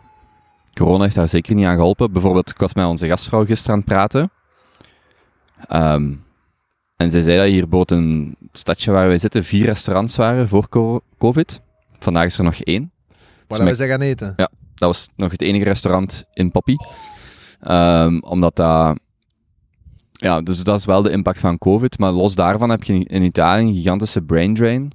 Ik ken een paar Italianen van onze leeftijd die hier vertrokken zijn, omdat die dan... Die hebben dan een master behaald. Ja. 1200 euro. Kun je in Duitsland gaan werken voor het dubbele, driedubbele, Nederland. Hè. Dus, ehm, dus dat land heeft gigantische brain drain, heeft structurele problemen. Ehm, en je staat daar niet bij stil als je hier zo zijt, maar dat is echt een... eh, Dat is wel zot, dat is failliet. Dat is, dat is, dus Italië is gaat... En dat is, zit nu in die zware crisis. Heb jij je er echt wel in ingelezen? Een beetje. Er zijn, er moeten toch scenario's gedaan zijn. Je moet de microfoon echt dichterbij houden. Ze hebben toch scenario's gemaakt, hè? Waar is nu, ze hebben 205 miljard gegeven. Nee, nee, nee. Dat is voorwaardelijk. Dat is nog niet gegeven. Dus er moeten bepaalde targets gehaald worden dan voordat die schuld wordt Ja. toegekend. Dus elk land, met het eh, eh, herstelfonds, heeft elk land een plan moeten schrijven. hoe ze willen eh, hervormen om, ehm, om dat geld te krijgen. En dat is een combinatie van directe subsidies en van leningen. En elke zes maand moet dat hervormd worden. Nu, op zijn Italiaans, de, af, de vorige premier, en ik weet niet of dat Conte was, of... Ik denk dat dat Conte was. ehm, die hebben een, een, eh, een document opgesteld van dit gaan wij doen. Hebben ze bij, eh, in Brussel mee gelachen, want dat was blijkbaar gewoon een A4'tje bij wijze van spreken. Wij willen 205 miljard en hier zijn zeven puntjes wat dat we gaan doen. Dan hebben die dat opnieuw ingediend. Is dat opnieuw verworpen. En dan is Draghi gekomen. En dan eh, is er wel, heeft eigenlijk heel veel eh, lof gekregen van dit is wel een eh, goed herstelplan. En het is nu dat plan, omdat de Vijf Sterrenbeweging dat niet meer wil Of steunen. wie is de vijf sterren Dat is een van de nieuwe partijen in Italië die. Ik weet niet waar dat die zich juist bevinden. Ik denk centrum links, maar, dat, maar dat weet ik niet. Vooral een partij van jonge mensen. Ehm, die zeggen gewoon van wij gaan niet meer mee. En concreet is, is er een aanleiding in Rome. Er gaat geen verbrandingsoven, mag daar komen. Vijfsterrenbeweging heeft daar tot oktober vorig jaar de burgemeester geleverd, nu niet meer. Dus er zit gewoon een kleine vlam, dan ploft. Die wil de regering niet meer steunen. Maar dat wil zeggen dat dus die zes maandelijkse evaluatie van dat 205 miljard herstelpakket, ze wordt nu on hold gezet. Terwijl dat er vandaag, en dat was een concrete aanleiding, er, was, er is een vertrouwensstemming geweest afgelopen week, geloof ik, ehm, in het Italiaanse parlement, over een miljardensteunpakket aan ondernemers, aan Italianen. En daar heeft de Vers- Vijfsterrenbeweging gezegd, we gaan daar niet deelnemen. Heeft Draghi gezegd, als er geen nationale eenheid is, dan stop ik. Uh, maar dat wil dus ook zeggen dat heel dat pakket van 205 miljard nu on hold staat. Of dat een deel van dat pakket on hold staat. Dus Italië zit echt gewoon vast in een gigantische crisis. Maar je kunt toch keihard kopen in Italië, hè? Je kunt toch zo steden Ja. kopen voor, voor geen geld. attitude, buy Ja, ja. dip. Ja, maar dip. Arbitragemogelijkheden. Ja, als je hier nu zo'n remote organisatie opstart, een goed internetverbindingsgelegd, Ja. ja. Goh, Dat zo, zo'n doen voor onze dingen van onze lijst. poppy opkopen, wat kost dat? Maar dat is wat er in Portugal Ja. aan het gebeuren. Hè? Maar Turkije hetzelfde, hè. Dus Turkije heeft een inflatie van 70 à 80 procent dit jaar. Ja. Dus als jij een Turk bent die een lira zijn vermogen heeft, versus een Belgische Turk die nu terug gaat naar Turkije, die kan letterlijk met vier vijfde korting een huis kopen in Turkije. Wat natuurlijk voor de lokale bevolking verschrikkelijk Ja. is, hè. Is er een specifieke podcast of eh, dat we in de show notes kunnen zetten daarover? Dat jij het gelezen? Nee, er was een goede podcast op de, ehm, vandaag van de Standaard heeft daarover gepraat. Maar ik vond, ja, ja, dat was wel goed. Dat was van vandaag eh, 20 juli. Of, of gisteren 19 juli. En in het algemeen gewoon, ik denk als je Mario Draghi googelt, dat je heel veel eh, daarover gaat vinden. Maar die Mario Draghi, dat is dan eigenlijk zo wat een... Die moet een boel... Hoeveel druklucht is er op die zijn schouders? Dat is wat de enige bekwame Italiaan dat Ja. momenteel dat een boel kan rechthouden. Of Maar Draghi, ja, ja. Maar die is dus jarenlang voorzitter van de ECB geweest. En die is dan begin vorig jaar, in februari, begonnen met het idee van... Die heeft gewoon gezegd, ofwel is iedereen mee, of ik doe het niet. En dat heeft ongeveer een jaar, anderhalf jaar geduurd. En nu begint dat te kraken. En nu zegt hij, ik stop ermee. Mhm. Want ik heb niet meer heel het parlement achter mij. De enige die niet deelnemen, deelnamen aan dat initiatief was eh, een extreemrechtse partij. Ehm fascistische partij, die nu het heel goed doet. Of heel hard opkomt. Maar wat Eh. is dan... Wat, wat, wat, wat leidt dit? Ik denk wat voor ons de gevolgen zijn, is... Dat helpt zeker niet onze inflationaire toes- toe- toestand. ECB heeft al aangekondigd dat ze een nieuw fonds gaan starten om de spread tussen Duitsland, Duits staatspapier en Italiaans staatspapier op te, op te vangen. Dus de euro wordt nog minder waard. Money printing. Op- brrrr. ja. Op lange termijn is dat problematisch, denk ik, voor ons. En op korte termijn, ja, de Italiaanse economie is nog steeds de derde van Europa. Dus als die het slecht doet, heeft dat neveneffecten. Maar ik weet bijvoorbeeld niet hoeveel Vlaanderen exporteert of importeert van en naar Italië. Dat weet ik niet meteen. Maar op lange termijn is dat gewoon... Euro komt nog meer onder druk. Is dit, dit iets dat ervoor kan zorgen dat een euro, zoals, zoals wij hem kennen, opgeblazen wordt?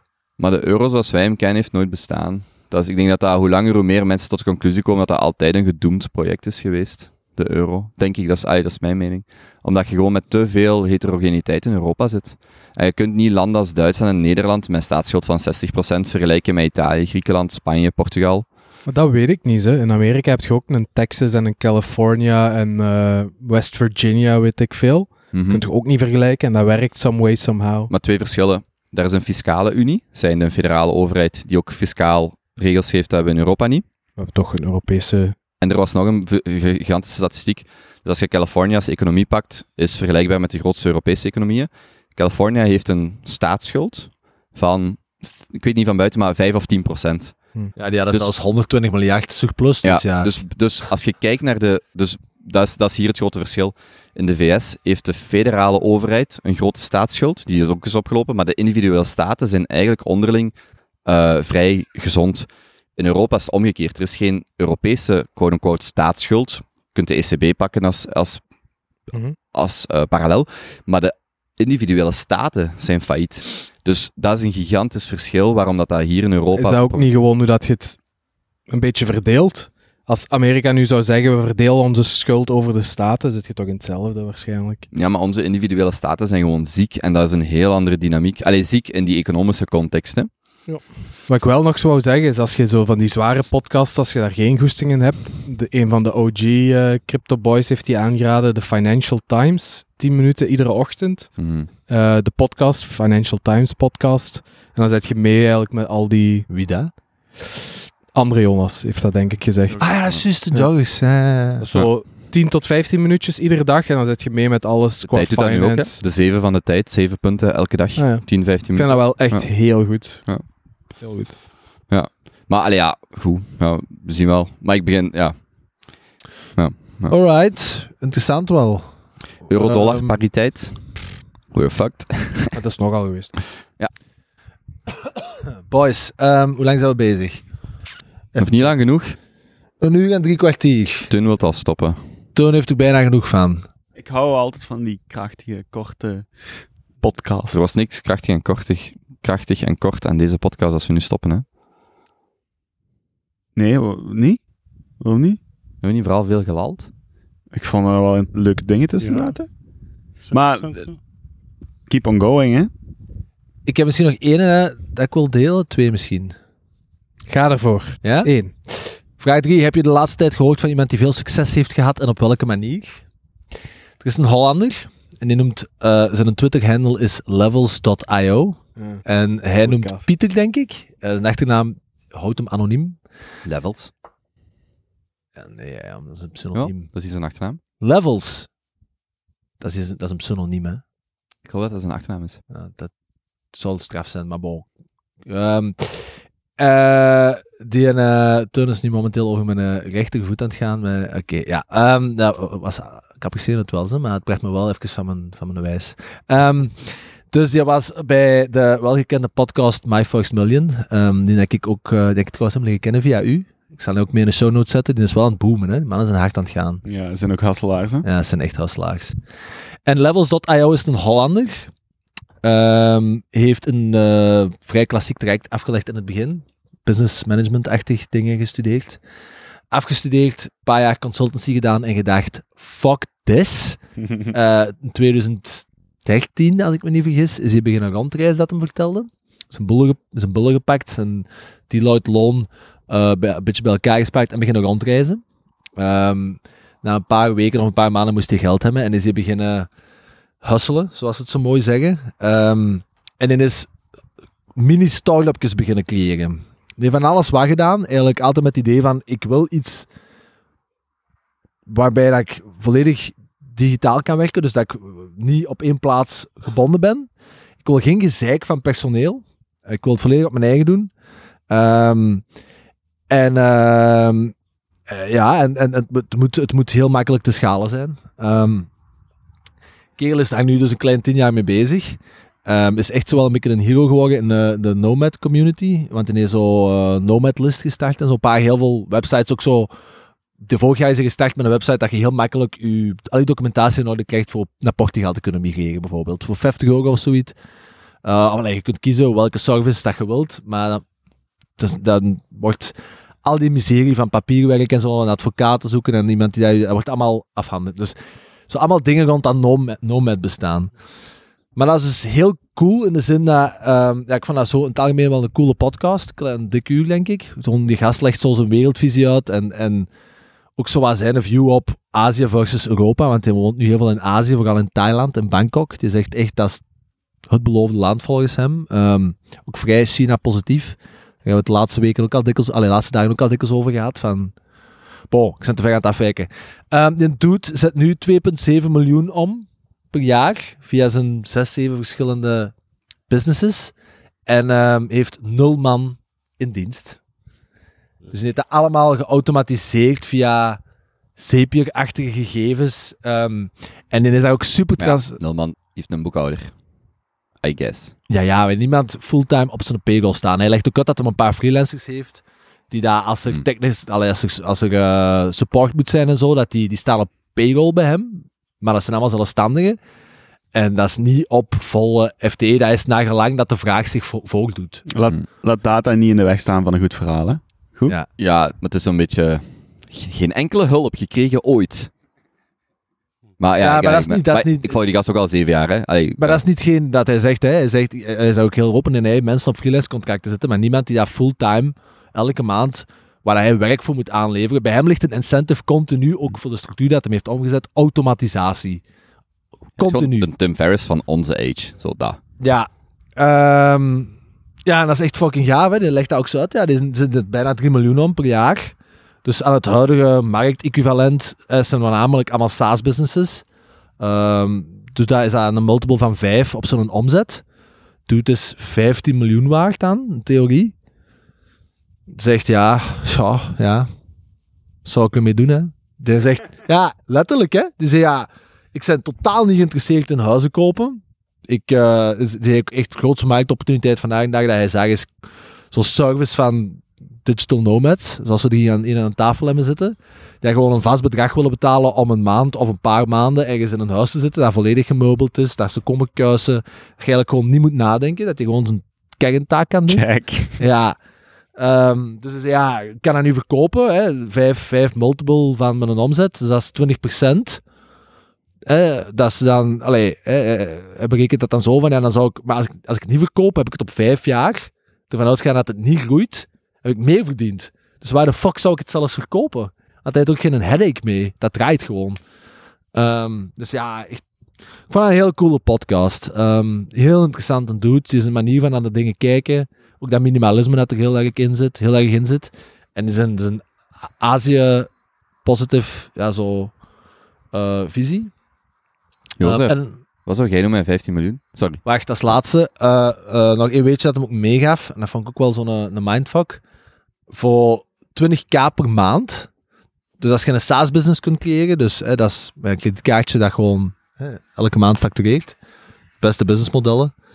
Ehm, vanaf, als je een zo'n business kunt opbouwen die naar 20.000 euro of dollar per maand factureert, ben je een miljonair. Want dan heb je 240k per jaar. En de multiple is 5 vandaag in de markt. Om die te verkopen. Dat is conservatief nog, denk ik. zo. Vijf? Alhoewel, nu wel waarschijnlijk, ja. Vandaag in de huidige markt. Gewoon Ja, van acht Vijf of à zes. Ja. Dus eh van wel. Gaat een vraag komen? Wat zou je doen met 15 miljoen? We hadden het daar in de week over, zo.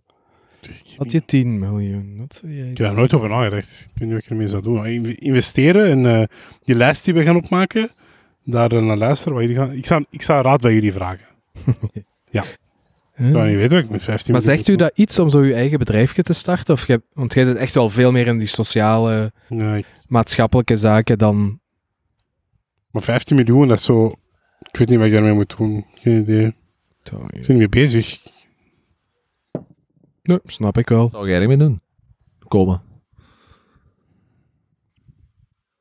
De helft weggeven Oh fuck. So, virtual signaling. aan PvdA. dan de andere helft aan Vlaams Belang. En dan bij Carglass gaan werken. En dan bij Carglass gaan werken. Let the world burn, bitches. exact, hè. En dan een politieke debat eh, podcast opstarten. Ehm, Zo mooi. Ga jij, Teun? 15 miljoen in de pocket. Ik zit op een schoon wei, dus ik weet niet wat ik daar echt mee zou doen. Ik zou waarschijnlijk mijn vrienden en familie iets dichterbij brengen. Eh, ik wil nog steeds blijven werken, want dat geeft mij iets om te doen doorheen de dag. En het triggert mij intellectueel. Dus misschien gewoon naar exotischere plekken vliegen om daar te gaan surfen. Een beetje belachelijk doen. Ehm, maar er zijn wel ook wel mensen rondom mij die ik zou steunen of die ik zou motiveren om dingen te doen of dingen. Niet, niet heel gek. zo dat idee om je gewoon terug te trekken.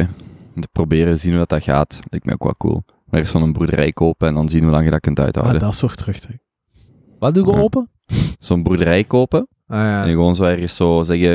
Ik ga zien hoe lang dat het duurt. Maar nou het over laatst ook over gaat. Zo, zo'n stuk Dave kopen in Chappelle-achtig. Portugal. Ja, ah, zo. Dave Chappelle. Dave Chappelle-achtig. Gewoon ergens, maar in Vlaanderen, hè. Dus voor mij hoeft dat niet ver weg te zijn. Appartementje in Antwerpen en dan dat je toch altijd zo satelliet hebt. En dan zo ergens op de buiten. Gewoon laat me maar rust. Maar Dave Chappelle heeft ook zo'n heel comedy... Allee, comedy podium gebouwd en studio en... Hmm. Zoiets. Er zit altijd volk te chillen bij die thuis, hè? Maar jij zei dat toch ook van die zanger, James Blake of wie was dat? Dat hij ook zo ergens een... eh, Withers. ja, of dat hij dan zo zijn eigen studio... Zo, dat idee heeft iets heel romantisch. Gewoon zo van... Bal het af. Laat me maar rust. Zeker. Gaat alles vier uur in de Hobokense polder zitten in het midden van het bos? Dan kijk eens hoe tof je dat vindt. Ja. Maar dat is anders omdat je niet fully commit. Dat is wel het grote verschil. Eens je fully commit is dat wel... Ja. Maar pak de internet mee? Nee, ik zou dat proberen te vermijden. Ik zou echt Eh. offline willen leven. Ja, ik, ik hoor je de laatste tijd vaker Ik zeggen. merk dat nu, ik ben echt... de- Deels van mijn geprikkeldheid is omdat ik terug internet op mijn gsm heb. Dat is echt niet Ja, goed. ik zie dat je meer op je gsm zit. Hè. Ja, ja, dat is echt niet goed. Dat is, dat is voor mij, dat is dopamine hits. Hè. Ik merk dat keihard. Dat is echt niet... Maar dus, alleen om maar te zeggen, ik zou dat thuis niet willen. Oké. Maar ja. Mag jij wel iets, nog iets zeggen? Nee, ik weet niet meer wat ik wou zeggen. Ik heb hier bij vraag 4 nog twee dingen staan. Welk nieuw verhaal heb je recent horen vertellen dat goed is om aan te brengen in een conversatie? En ik zie bij Jonas staan Pirates. Ah ja, je ging dat vertellen. Ik- Nu moet ik zoeken. Dus als jij even aan het nadenken zijn, Teun, jij hebt ook nog een goed verhaal van een Berlijn. dat is voor vanavond. Ah, ja. Niet op de podcast. Oké. Spijtig. Kom maar proberen, hè. Goh. Nee, dat ging over hoe dat piraterij de perfecte democratie was, maar dat is niet... Oké. Ik had er hier nog eentje staan. Andrew, eh, dus echt één voor één een verhaal en een conversatie aan te brengen. Andrew Huberman was bij Joe Rogan, hè, de gezondheidsgoeroe. Oh, fuck. Twee uur. Da- De dogs. Uh, het is weer die menstruerende vagina aan het uitlekken. Oh, En het gaat niet over... Het gaat over die honden. Nee, nee, laat ja, dat is toch letterlijk wat er gebeurt? bezig. Maar dat is letterlijk wat er hier gebeurt. Dus Maar- die, mannen, die mannetjes hond... oké. shh. Maar dat is letterlijk wat Ja, ja, er ja. gebeurt. Dat is, genoeg, dat is, genoeg, dat is genoeg detail voor de luisteraar. Eh, maar nu dat we dan toch bezig zijn over lekken en eh, speeksel, ik zal er daar misschien iets positiefs over vertellen, want Jubelman was bij Rogan. Kwestie van een smooth overgang te doen. Ehm, die vertelde het volgende leuke weetje. Eh heb je al gemerkt dat als je een wonde hebt op je arm of op je knie in ieder geval nu, hè, je hebt een wondje op je knie van het worstelen met Jozef gisteren, Nee, dat, was al, dat was al. dat, was al al- terug open gegaan. Maar dat was, hoe was dat anders? Hoe was dat, hoe was dat eerst ontstaan, dat wondje? Ik heb op mijn tapijt gezeten. Gezeten. Maar van zitten krijg je geen wondjes, hè. Als je op een tapijt zit, krijg je toch geen wonden? Dat moet toch wrijving zijn, niet? Een of andere fricties zijn gebeurd op dat tapijt. Oké. Eindelijk, eindelijk Dus, pak je die ja. Een bende Mongool samen. Dus, ehm, dus ehm, als je een wondje hebt op je lichaam of op je arm of zo, blijkbaar, dat zie je hem ook, maar dat wist ik ook niet. Als dat in de zon komt, geneest dat sneller. Ja. Ja. Maar, zie, dat duurt nog altijd wel een paar dagen, of in het beste geval een weekje of zo, voordat dat helemaal wel weg is. En dan is dat snel genezen. En hij zei, een van de grotere mysteries vandaag in eh, de geneeskunde is als je op je tong of op je wang bijt Mhm.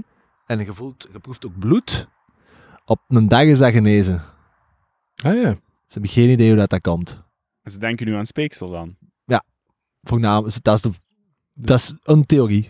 Dat ligt aan speeksel. Tough op die wonden. Jozef...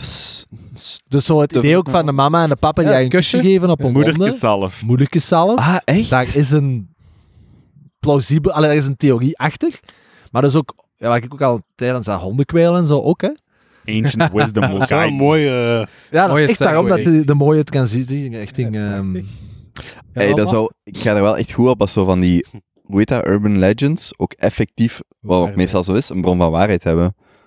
Ehm, Ja, ja, dus honden, 50.000 jaar co-evolutie. Die beesten bestonden niet zonder dat wij er waren. En ik, ik heb zelf een hond gehad vroeger. Als jij een wonde had, dat beest wou niet laten doen. Dan zou ik dat lekjes Hmm. komen geven. Het zou kunnen dat dat ook gewoon als een hond een paar keer erover lekt, dat dan heel snel geneest. Hè. Dus die, die oude, de, de hond die met zijn kwijlbek, misschien het meest geneeskundige dat hier eh, in verre streken te vinden dat is. Ja. lijkt wel zo, inderdaad. En on that bombshell. Ja. Nog iets te vermelden, jongens? Nee. Pasha is zo wat weggezakt, hè? Ja, die, Sterk, die sterk warmte- gestart. Ja. Mhm. Die warmte of zo, ik weet dat niet. Het is mooi geweest, boys. Heb jij nog iets om, eh, om te delen, Basja? Nog iets dat van uw hart moet? Kijk, ik zie jullie graag. Ah, Nee, nee. Die oostjes. Nee, nee, dat is niet Volgende waar. keer doen we nog eens een goede podcast met zo dan. Met goede voorbereiding. Kunnen we nog eens over een paar goede topics praten. Dat is wel de Dus royale Eh, dat spreekt voor gebruikt. Eén keer zo, voorbereiding. Niet over zo, niet over zo economie en zo, maar over zo, zo vragen die zo... Misschien moeten we gewoon eens een thema pakken en dan gaan we daarover praten. Ja, dat, dat, dat is Of zeker een paar lang. thema's. Maar we Nog een kunnen... paar thema's, bijvoorbeeld eh, eh, over, ik weet niet, eh, kinderen opvoeden, wat voor school. Of Kinderen opvoeden wil Ja. ik al lang eens over zo van die dingen. Ik heb heel veel van zo'n dingen in mijn hoofd zitten, maar niet... Mineralen tijdens de ik weet- bevalling, yay or nee? Ja, bijvoorbeeld zoiets. Of eh, wat, wat vind je aantrekkelijk in een partner, wat vind je niet? Eh, zo van die dingen. Keizersnede of natuurlijk? Bijvoorbeeld. Gast. Kijk, dan krijg- word ik terug wakker, maar van die crypto dan val ik gewoon in slaap. Ja, begrijp ik wel. Maar ja, we morgenochtend... Wanneer vertrek je terug? Eh, Vrijdag. Ja. Vrijdag. Ah, dus we doen morgen dan de thematische podcast. Ga, Ja, hè? voor mij, een ko- een korte is goed, ja. Misschien moeten we een story maken met zo... Submit wat thema's en dan eh, praten we daar morgen over. Ja, is goed. Dat is ook wel goed. Baba Ganoush? Op drie? Nee, jij nu, hè. Ja, ik, nee, ik heb geen Libanese roots. Dat is wel duidelijk. Vlaamse als mij komen ze blijkbaar niet. Hoewel dat ik blijkbaar Mongool zou het zien. Eh, Oké, is goed. Ja, Baba Ganoush waarom niet. We hebben, gisteren, we hebben gisteren ook ehm Parmigiana di Melanzani gegeten. Dat is aubergine, Trager, trager. aubergine ehm, met ehm, mozzarella en tomatensaus in de oven. En we hebben de gisteren de gefrituurde versie gegeten. Dus eh, dat is super lekker. Dus, eh, misschien kun je het samen in koor zeggen. Dat is wel leuk. Wat denken jullie? Weet je nog hoe het noemt? Wat? Parmigiana di Melanzani. Oh, goed. Dat is toch ook... Hè? Doe maar. Parmigiano. Parmigiani di melanzane. Nee, Parmigiano. Parmigiani. Parmigiano. di- Parmigiano. Parmigiano. Die? Melan... Melanzone. Melame. Melamenzano. Eh. Een paar minuutjes. Oké, bye bye. Ciao.